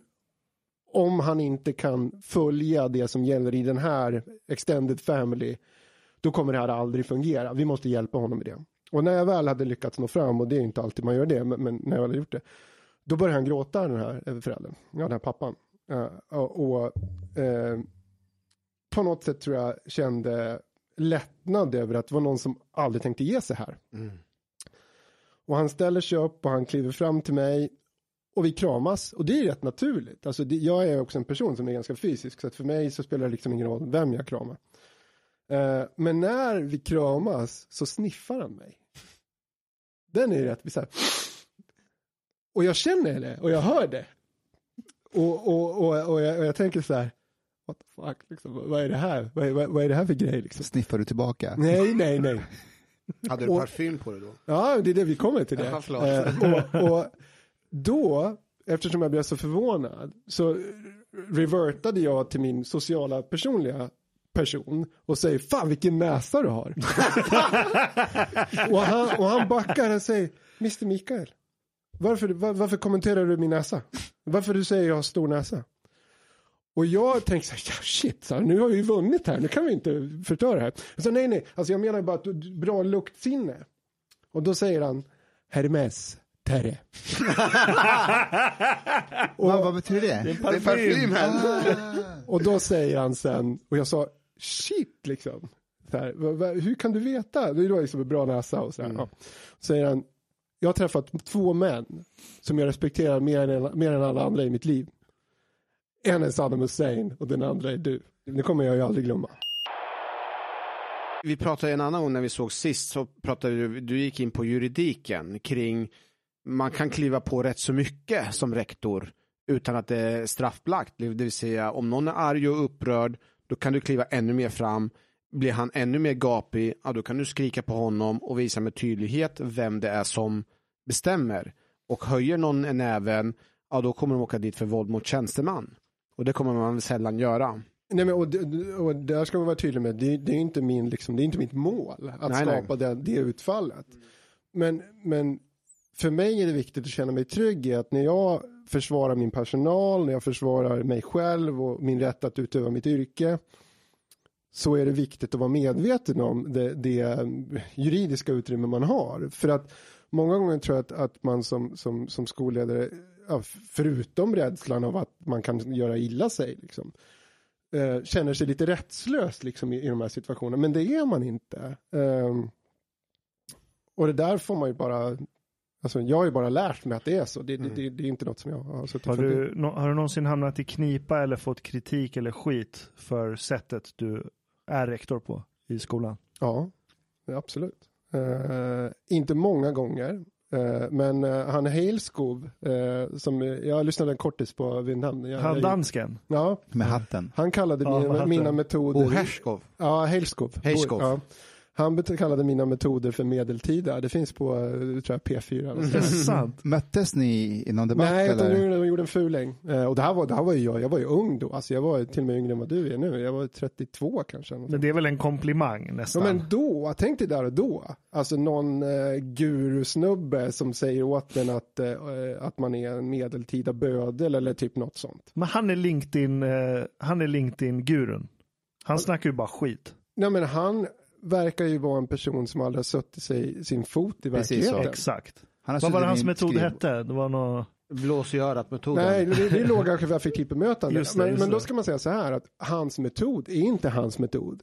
He's just packaged it. Alltså den här typen av bemötande jobbar jag med också. Mm. Det gör Nej. vi hela tiden i Ja, och polisrollen du också. måste ju ja. vara expert på Ja, det ja. här. Varenda gång du möter en missbrukare. Ja, nej men det är ju om någon är aggressiv och utåtagerande och skriker på mig, inte höja och skriker tillbaka utan jag kan visa med, demonstrera med all min kraft att jag lyssnar men jag visar ändå med tydlighet vad som gäller. Eh, man behöver inte brusa upp utan man kan liksom, man kan vara strategisk där.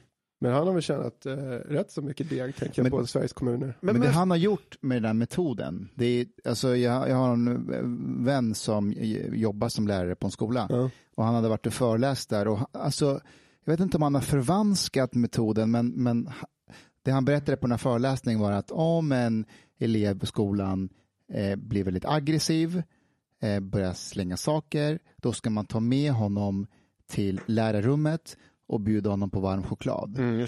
Och min kompis var så här, så om han slår sönder skolan, jag ska ge honom hett varm choklad som han slänger i ansiktet på mig Om sen. man kan ta med honom, om man inte kan ta med honom så ska man ta med sig eleverna till ett annat rum och låta honom vara.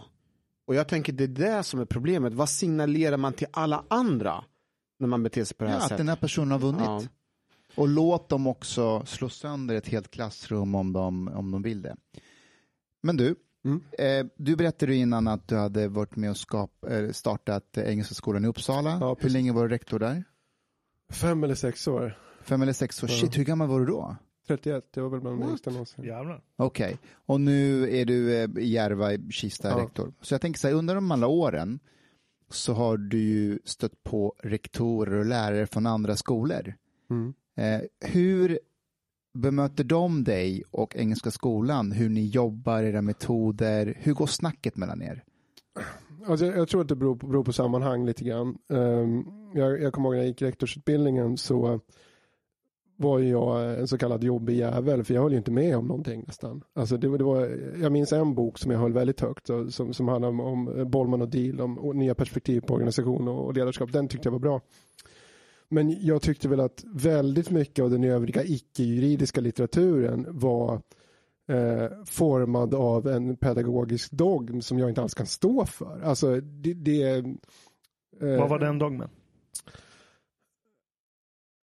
Li, alltså lite grann samma dogm som har ompaketerats idag till att man kan motivera människor genom att gå och härlig hela tiden. Alltså någon sorts, ehm, någon sorts eh, mysfaktor dogm. Att så länge alla, alla mår bra så eh, kommer allt bli bra.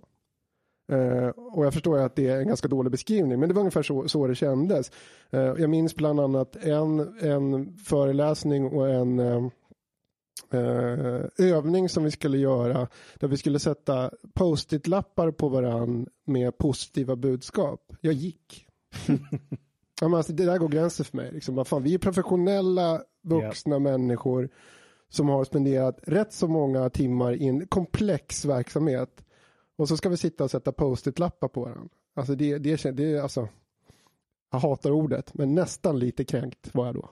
Alltså, det finns en paradox i det där att man har en inställning om att alla, har, alla ska ha det bra hela tiden, men alla kan ju inte ha det bra hela tiden.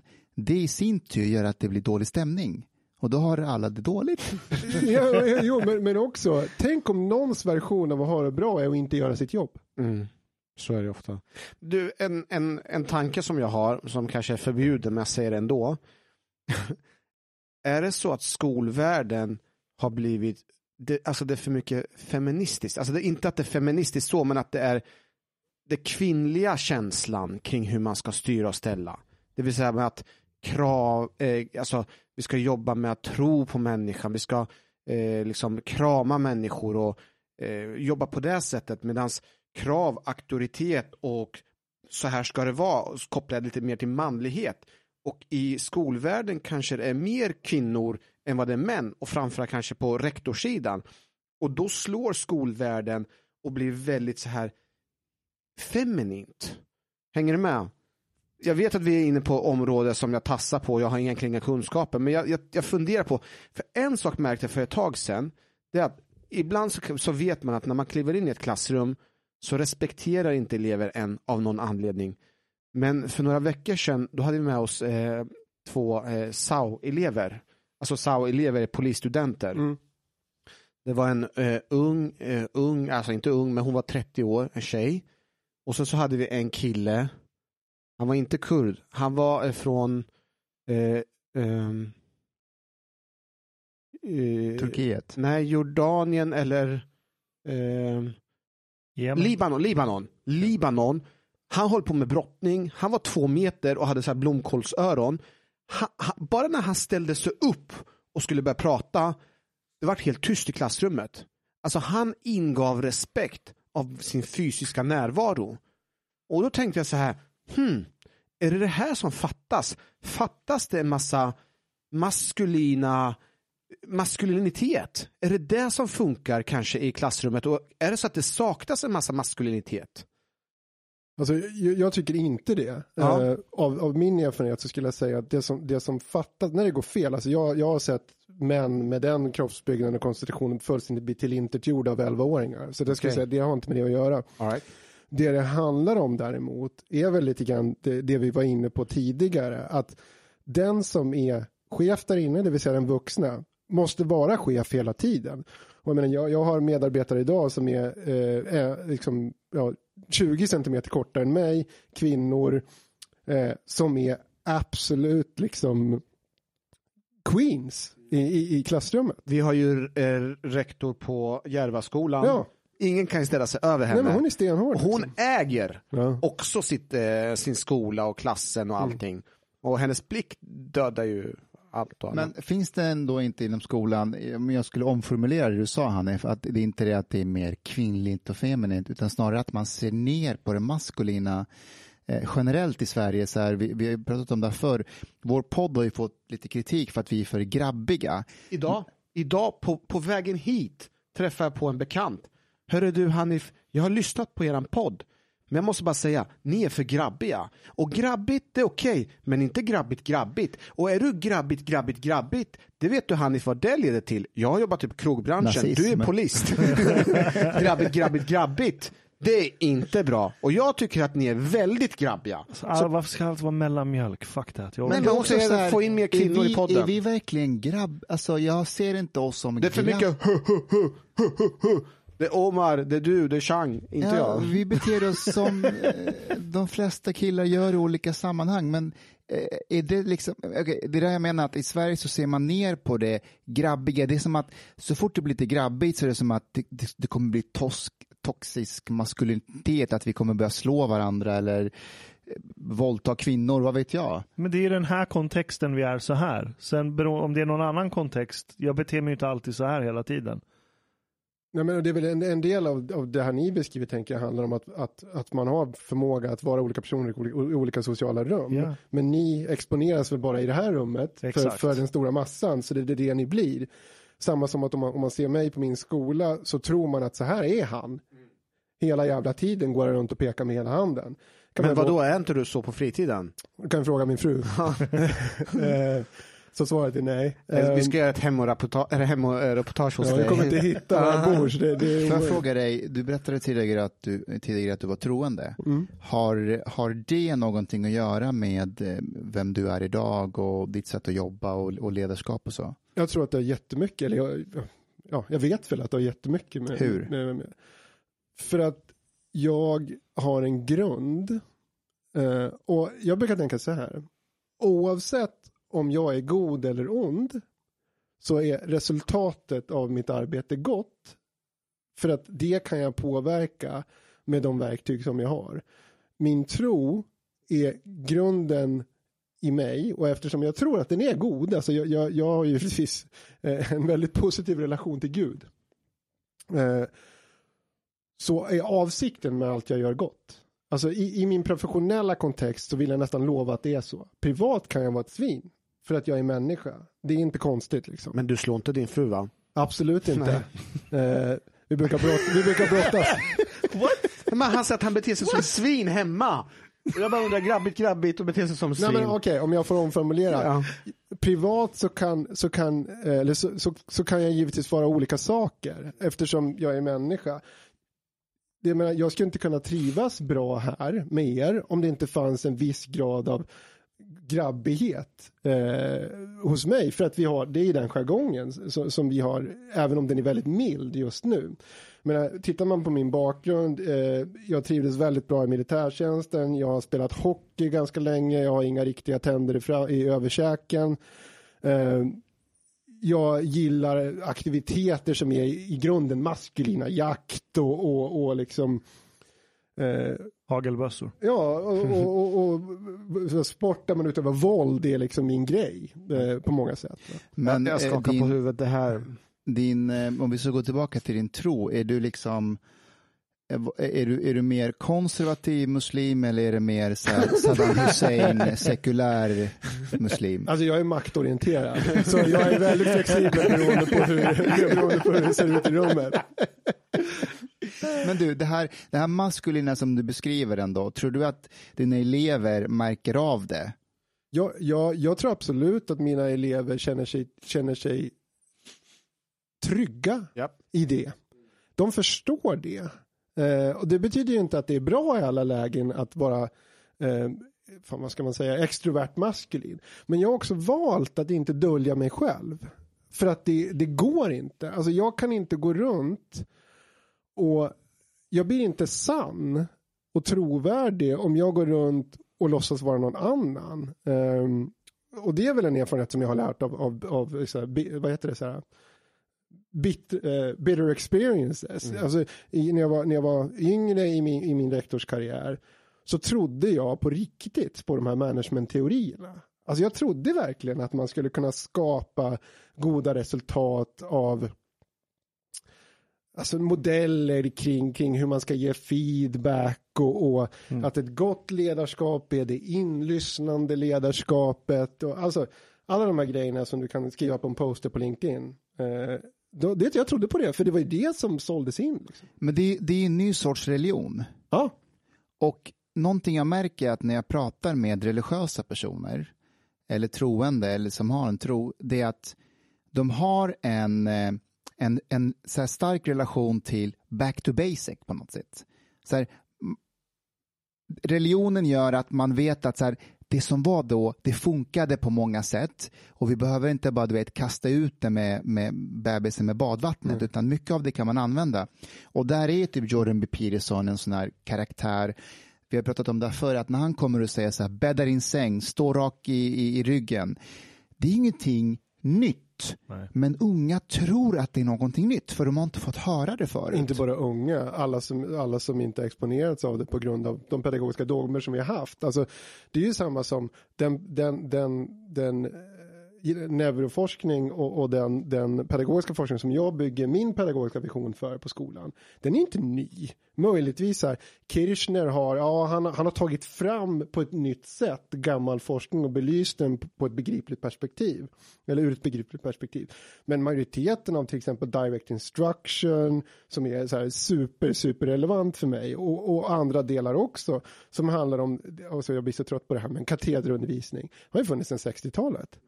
Eh, och det är ju inte nytt. Det är bara att det inte har fått utrymme i, i den pedagogiska debatten i Sverige för att det har stått i ganska stark kontrast med vår, vår uppfattning av att vi inte skiljer på barns rättigheter och barns önskningar. Skulle jag säga. Om jag frågar dig, du är säkert på massa konferenser, alltså rektorer som... Jag, nej. Inte alls, alltså där man ses och utbyter och berättar hur nej, funkar. alltså jag jobbar ju på skolan så jag behöver ju vara där liksom.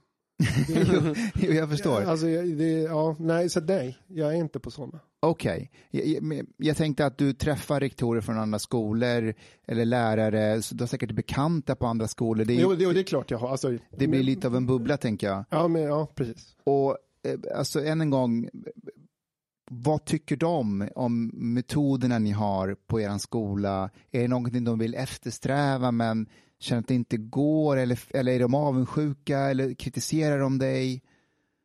Alltså, mig kritiserar de väl inte face to face, för det, blir- det blir ju jobbigt eftersom att jag kommer att konfrontera det. Eh, Som, däremot, som Saddam Hussein gjorde. Men för det finns ju ändå mycket kritik kanske mot själva den här um, friskolan i sig och vad den har medfört för konsekvenser för de här traditionella skolorna. eh, ja, du menar kommunala skolor Kom- ja, och, exakt, och, friskolereformen. Ja. Ja, den kritiken, eh, den är jag inte ovetande om. Men det blir ju svårt för, för, för dem att framföra den till mig, för de bygger på argument som inte, som inte stämmer på min skola. Alltså vad ska de säga? Eh, det är bara att komma till min skola, så ser man ju att det här var inte riktigt det som vi hade tänkt.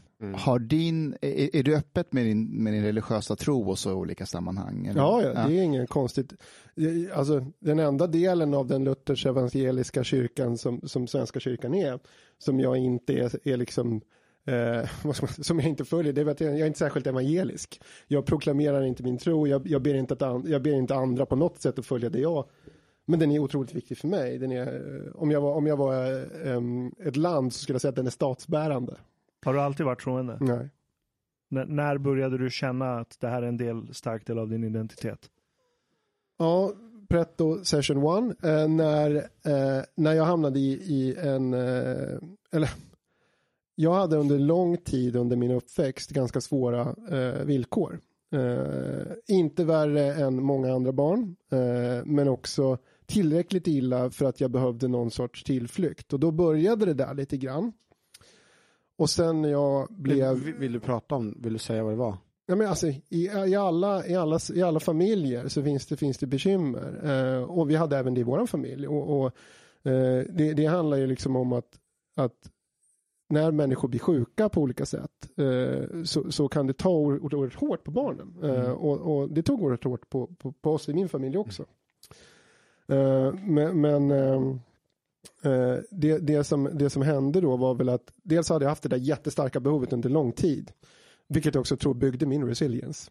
Eh, utan att jag visste om det. Liksom. Eh, men sen när jag var i 20-årsåldern så, så kom det till en gräns där nu kommer mamma bli, bli orolig. Eh, jag kom till en gräns där jag, ja, från 17 och framåt, där jag började få utlopp för det här. Eh, och jag, jag sökte mig till situationer där, där jag kunde få utlopp för smärta. Eh, vilket innebar att jag hamnade i slagsmål ganska ofta.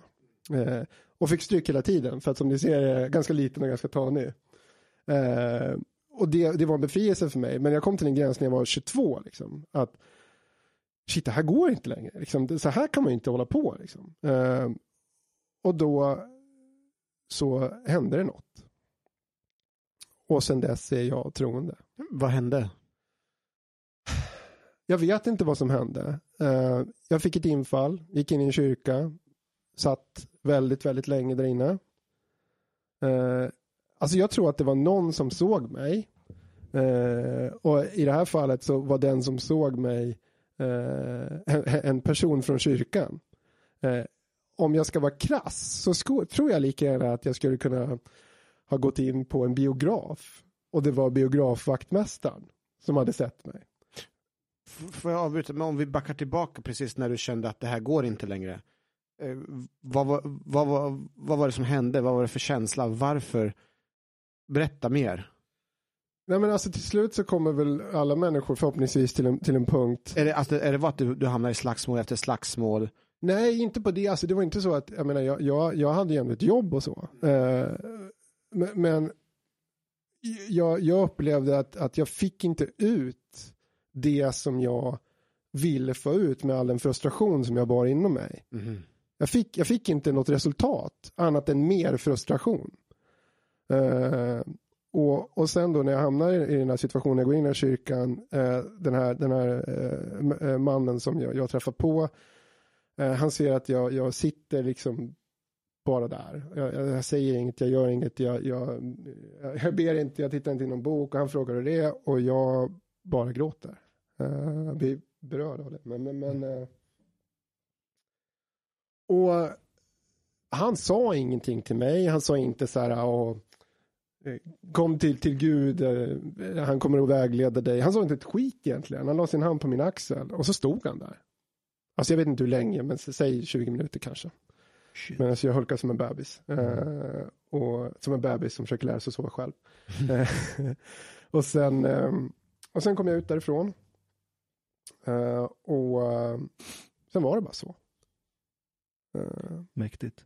Ja, men så här, verkligen en, en, en eh, konstig upplevelse. Men jag är så djupt, djupt tacksam för den idag. För att eh, den gav mig också, förutom, förutom eh, ork och, och, och, och, och, och styrka, så gav den mig ett nytt perspektiv på mitt eget ansvar. Att, att förändra mitt liv. Eh, och nu låter det som att det här är värsta missbruksstoryn. Och det, det är det ju inte. Men, men, men även, oss med, även vi med små problem kan behöva vägledning. Och där tänker jag att Jordan B. Peterson kommer in också. Upplever du att man i Sverige eh, ser ner på religiösa människor?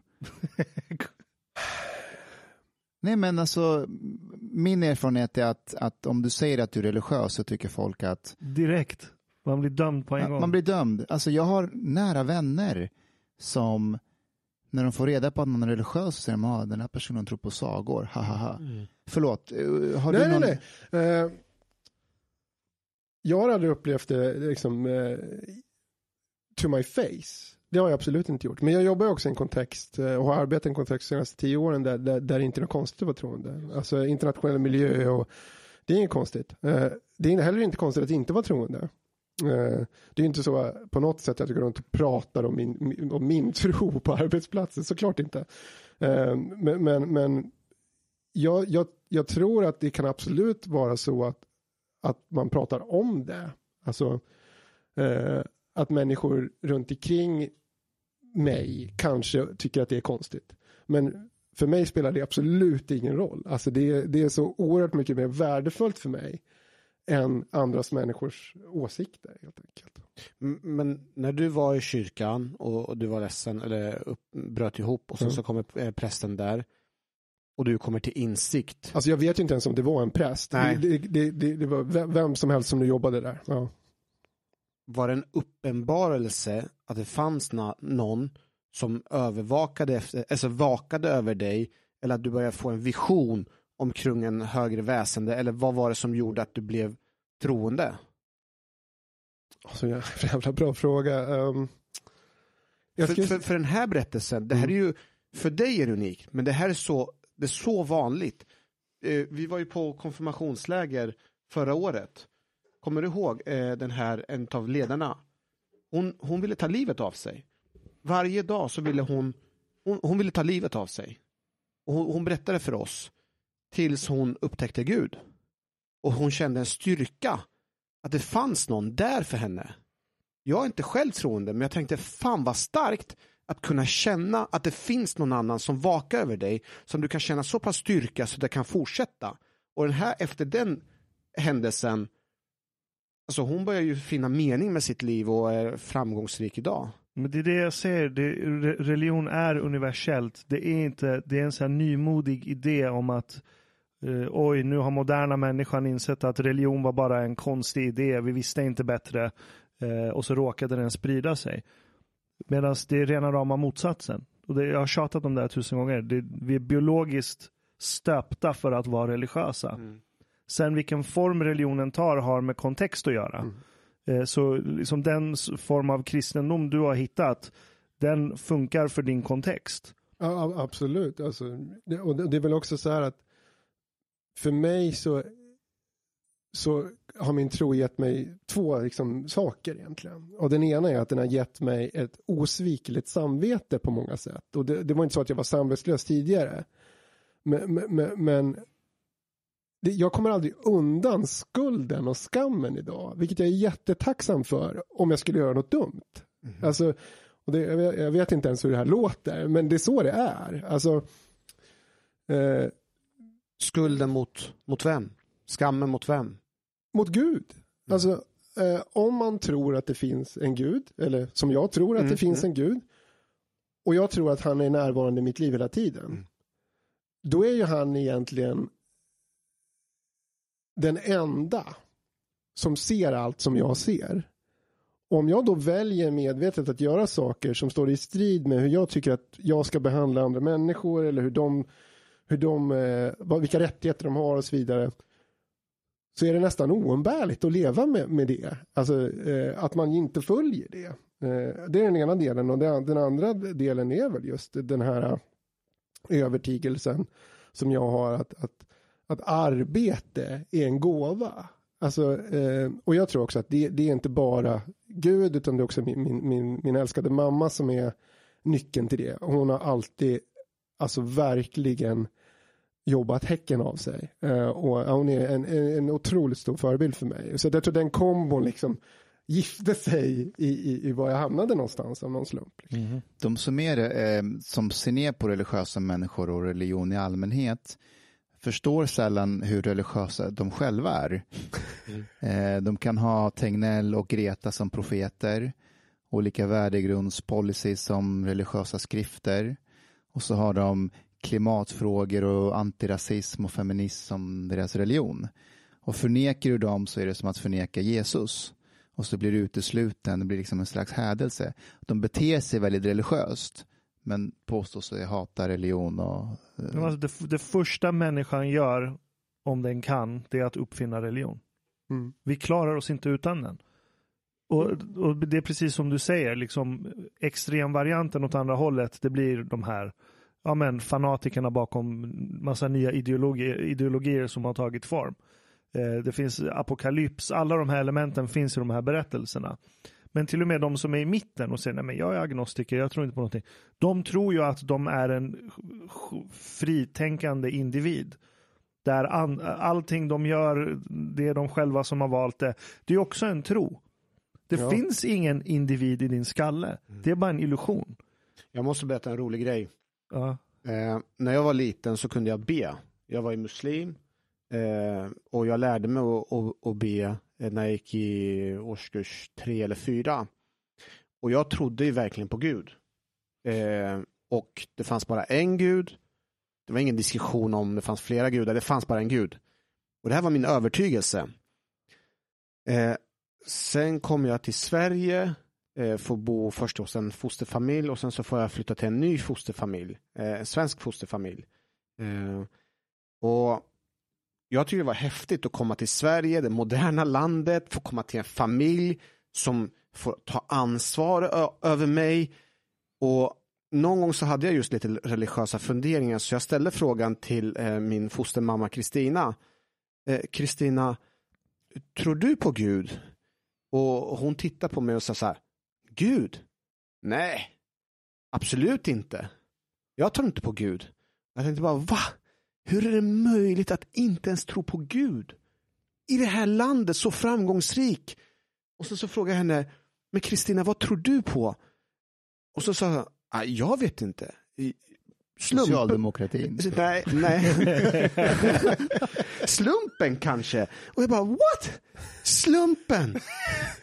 What the fuck? Har jag kommit till den här moderna världen?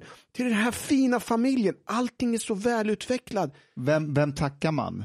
Vem Ja, är man Ja, men tacksam vet du vad hon mot? trodde på? Nej. Eh, Hon, hon är ju det här typexemplet, vilket majoriteten av västerlänningar som kallar sig ateister egentligen är, utan att tänka på det. Hon tror att hon är Gud. Hon är centret i universum. För hon tänker därför finns Hej, hon. jag tror Kristina skulle bli väldigt för, Nej, men- nej, jag- men jag- förolämpad jag- om du sa Nej men det- jag dissar inte det. Jag Nej. inte att det är någon form av narcissism. Jag säger att det är också en idé som har funkat väldigt länge. Mm. Och hon väntar inte på himmelriket, hon väntar på självförverkligandet. Och den kommer hon aldrig få uppleva i den här världen. Mm. På samma sätt som du inte kommer få uppleva himmelriket i den här världen. Men Problemet dock, det är att självförverkligandet bygger på materiella ting. då... Mm. Nu var Den ju hennes material. självförverkligande var i och för sig hjälpa mig och min lillebror, men det, det var den här konflikten. Att vara religiös och tro på någonting och träffa någon som inte trodde på någonting alls. Det blev liksom syntaxerror. Ja men det är för att hon är född i religionen individualism. Mm. Så hon har inte ens haft någon referensram och blir ens varse om att hon också har en tro. Mm. För att det är så naturligt för henne. Tänk vilken så här syntax error att du kommer till Sverige, säg att du är muslim och så vill du debattera Gud med någon kristen. Du tror att folk är kristna. De bara, min Gud är bättre. Men det finns ingen Gud. Va? Vad säger man då? Det finns en Gud. Ja. Och Jag, jag tycker att det är så här en, en, otroligt stor styrka och, och glädje för att jobba i den miljön där jag jobbar i. Just på grund av den anledningen att vi är tvungna att mötas. Just det. Och det tycker jag är så himla läckert. Alltså, jag jobbar ju såklart med, med kollegor och elever och föräldrar eh, där, vi, där vi alla har olika utgångspunkter och så vidare. Men vi är tvungna att mötas. Alltså det går inte att komma undan liksom. Och det är omöjligt enligt min erfarenhet att hata någon som du spenderar så mycket tid med. Alltså det, det är typ omöjligt. Ja. Eh, och det är väl det som saknas idag i Sverige. Skälet till, till, till den polarisering som sker på olika plan är för att vi inte möts. Eh, och vi möts, om vi möts så möts vi med eh, 200 Hanif emellan oss som står med sköldar.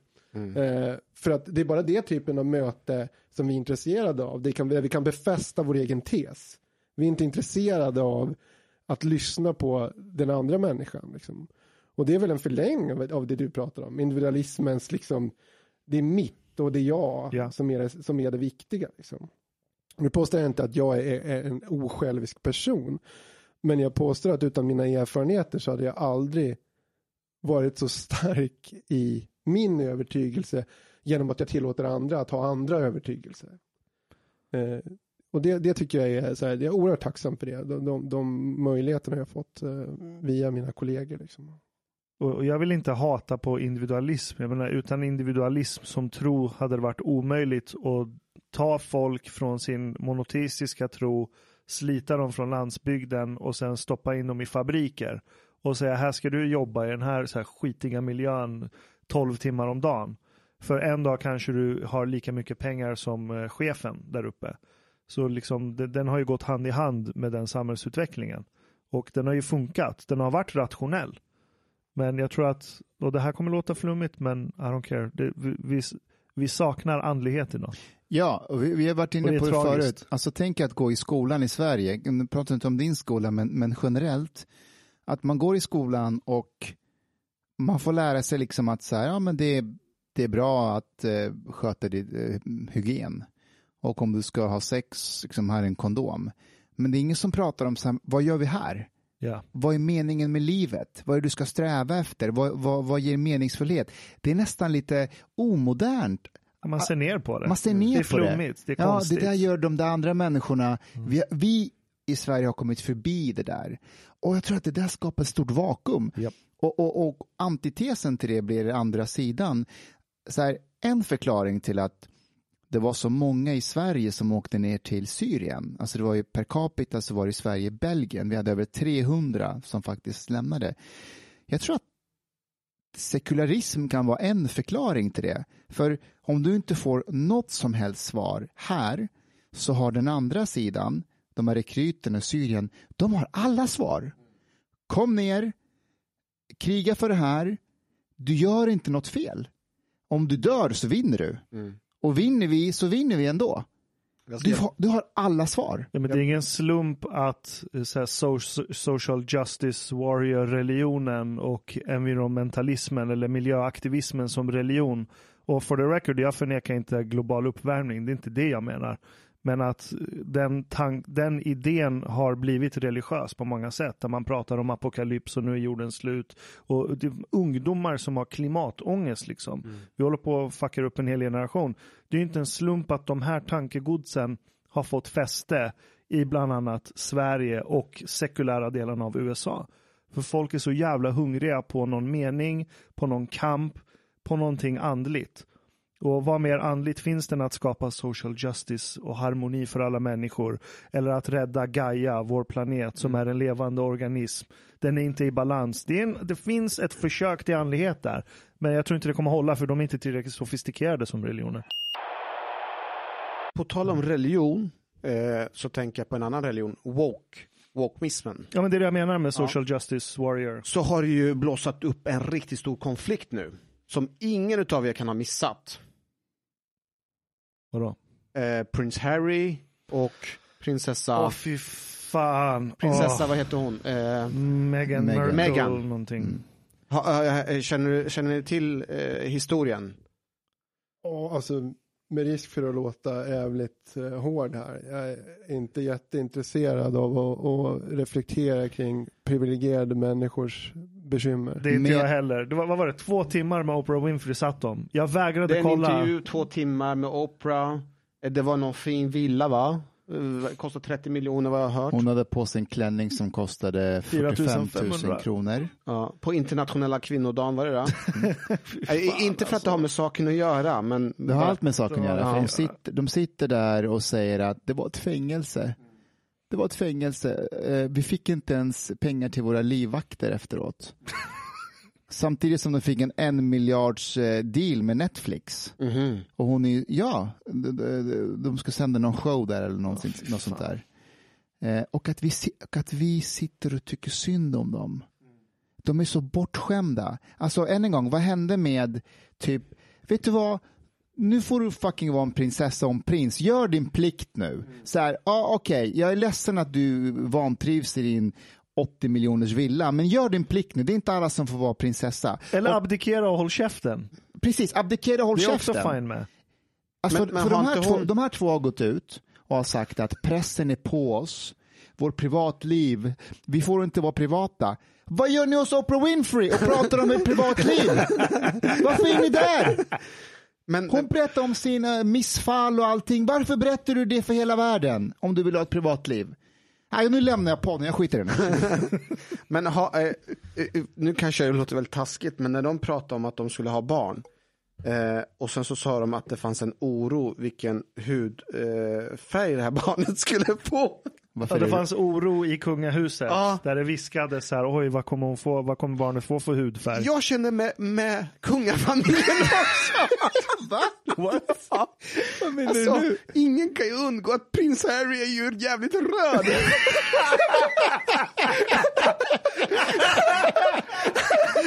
alltså, fatta, fatta risken för cancer.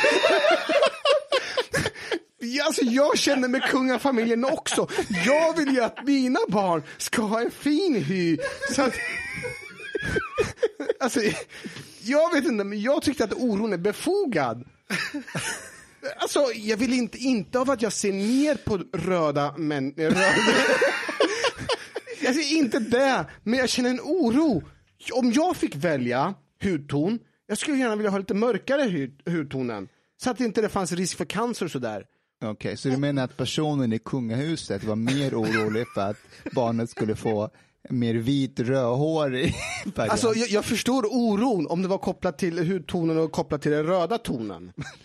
Men, men nu visar det sig, nu, jag bara raljerar, men tydligen så var det kanske oro, vad jag vet. Jag, jag har inte förstått det de hela. säger- Oro för att barnet skulle bli mörkt och hur skulle det uppfattas? Det ska tilläggas att det var en person som hade sagt det här till prins Harry och han vägrar avslöja vem det är. Och då blir jag bara så här, men hur ska vi tro på det här då?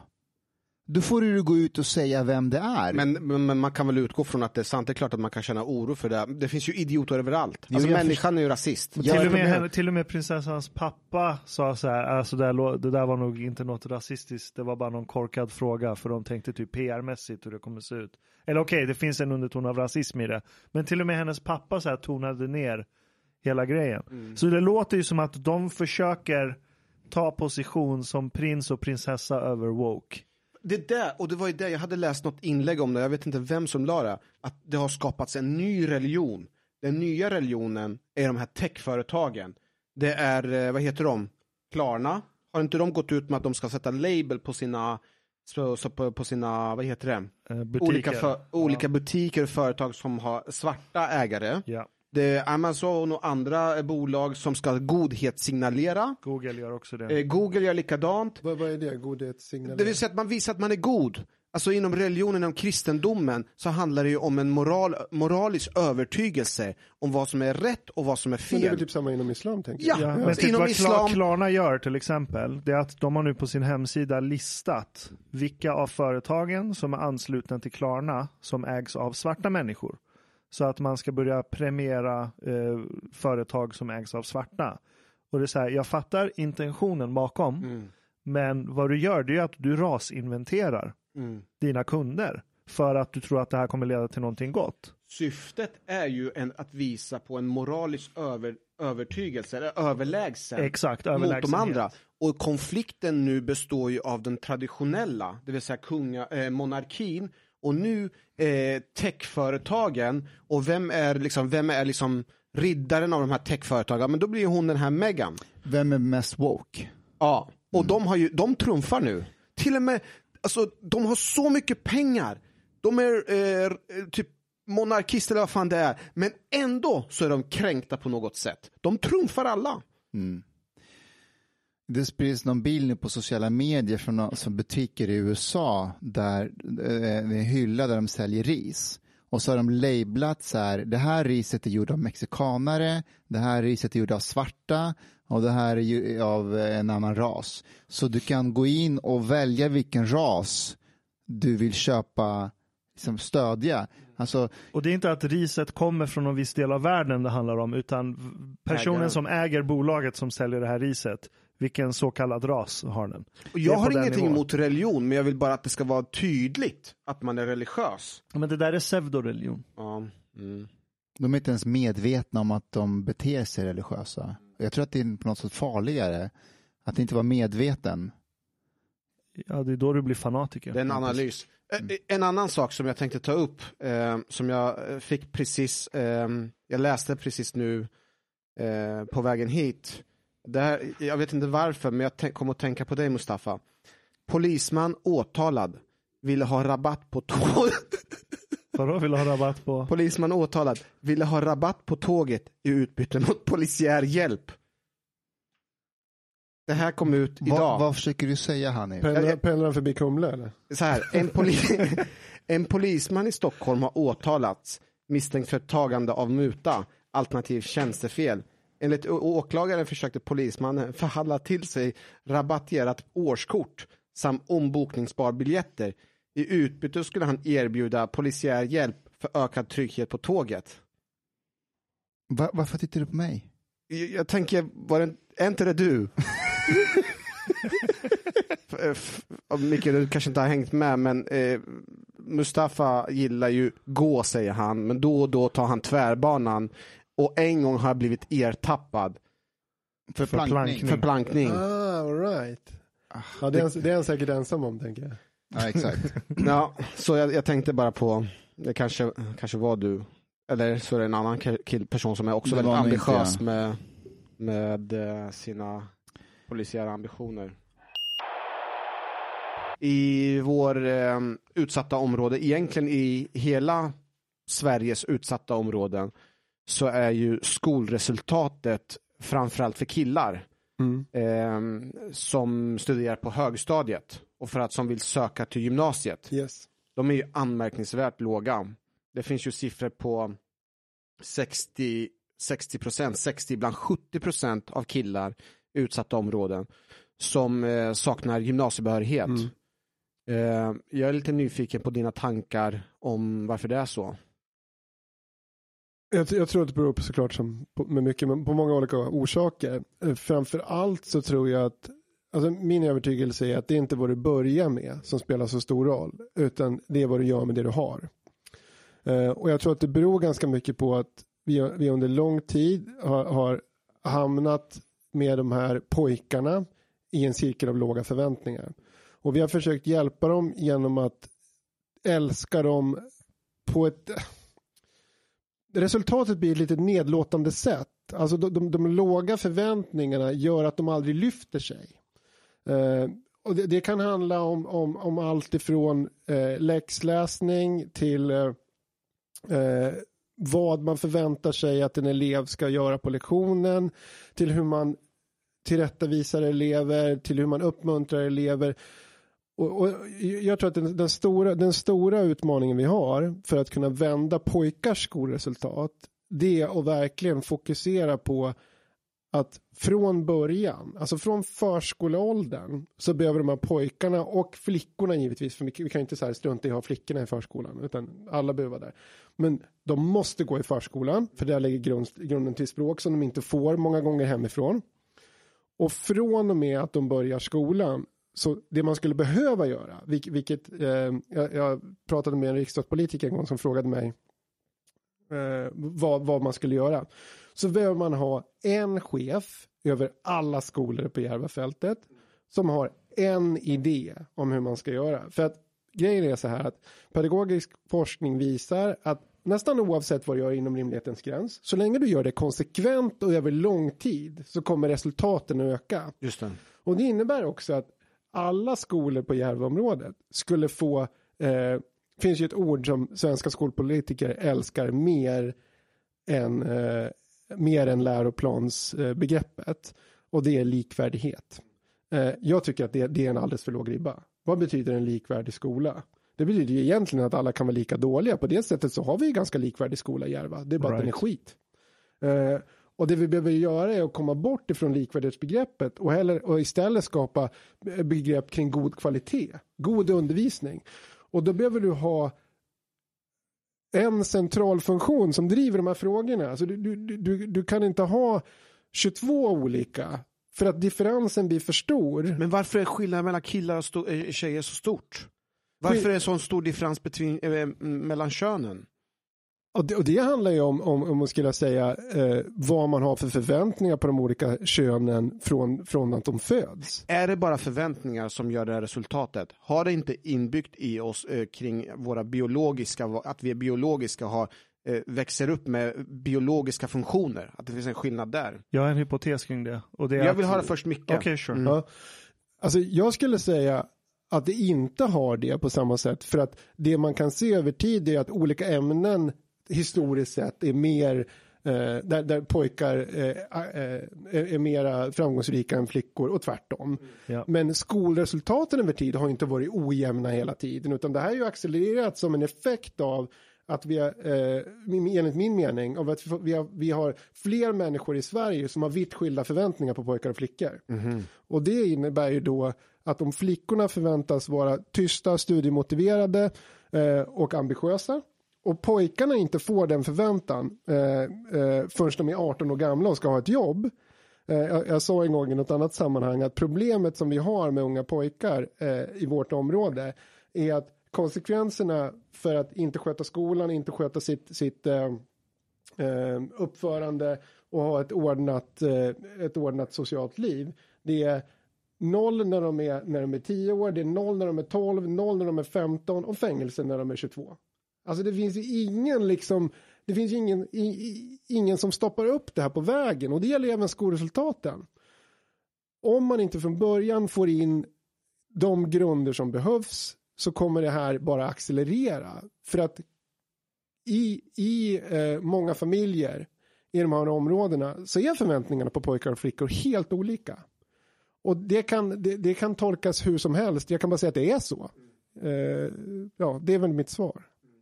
Vad tänkte du säga Ashkan? Det går hand i hand med det du säger, mm. men jag, jag, skulle vilja introducera en biologisk aspekt i det och det är att eh, flickors hjärnor, vissa delar av den utvecklas snabbare än pojkar. Så pojkarna ligger efter tills de når samma nivå runt 24-25 års ålder. Någonting sånt.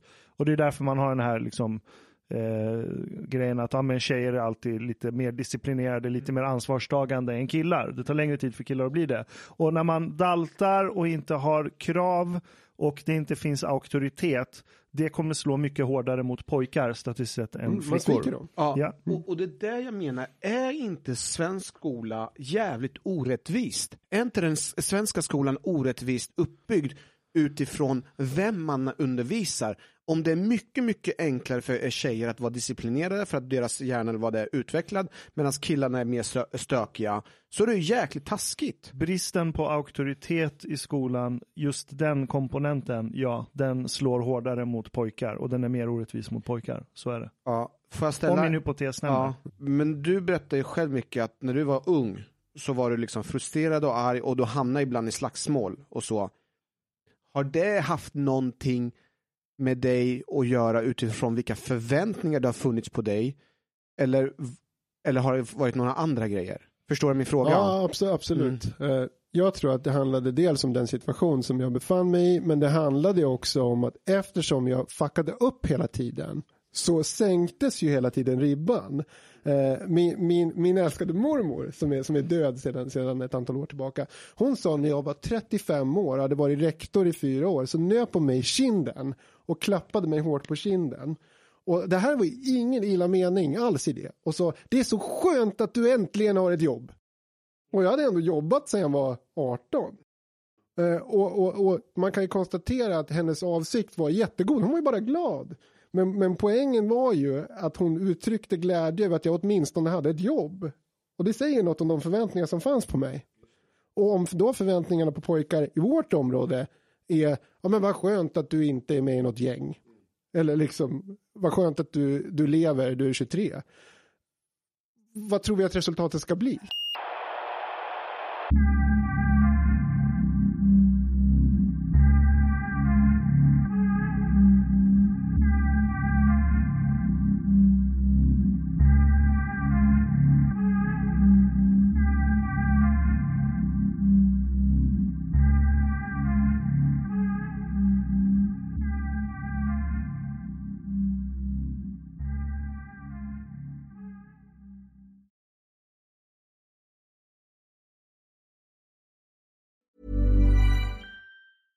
Ever catch yourself eating the same flavorless dinner three days in a row? Dreaming of something better? Well, HelloFresh is your guilt-free dream come true, baby. It's me, Kiki Palmer. Let's wake up those taste buds with hot, juicy pecan-crusted chicken or garlic butter shrimp scampi. Mm. Hello Fresh. Stop dreaming of all the delicious possibilities and dig in at HelloFresh.com. Let's get this dinner party started. Hey, it's Paige DeSorbo from Giggly Squad. High quality fashion without the price tag. Say hello to Quince. I'm snagging high-end essentials like cozy cashmere sweaters, sleek leather jackets, fine jewelry, and so much more. With Quince being 50 to 80% less than similar brands. And they partner with factories that prioritize safe, ethical, and responsible manufacturing. I love that. Luxury quality within reach. Go to quince.com slash style to get free shipping and 365 day returns on your next order. Quince.com slash style. Hi, I'm Daniel, founder of Pretty Litter. Cats and cat owners deserve better than any old fashioned litter. That's why I teamed up with scientists and veterinarians to create Pretty Litter. Its innovative crystal formula has superior odor control and weighs up to 80% less than clay litter. Pretty Litter even monitors health by changing colors to help detect early signs of potential illness. It's the world's smartest kitty litter. Go to prettylitter.com and use code ACAST for 20% off your first order and a free cat toy. Terms and conditions apply. See site for details.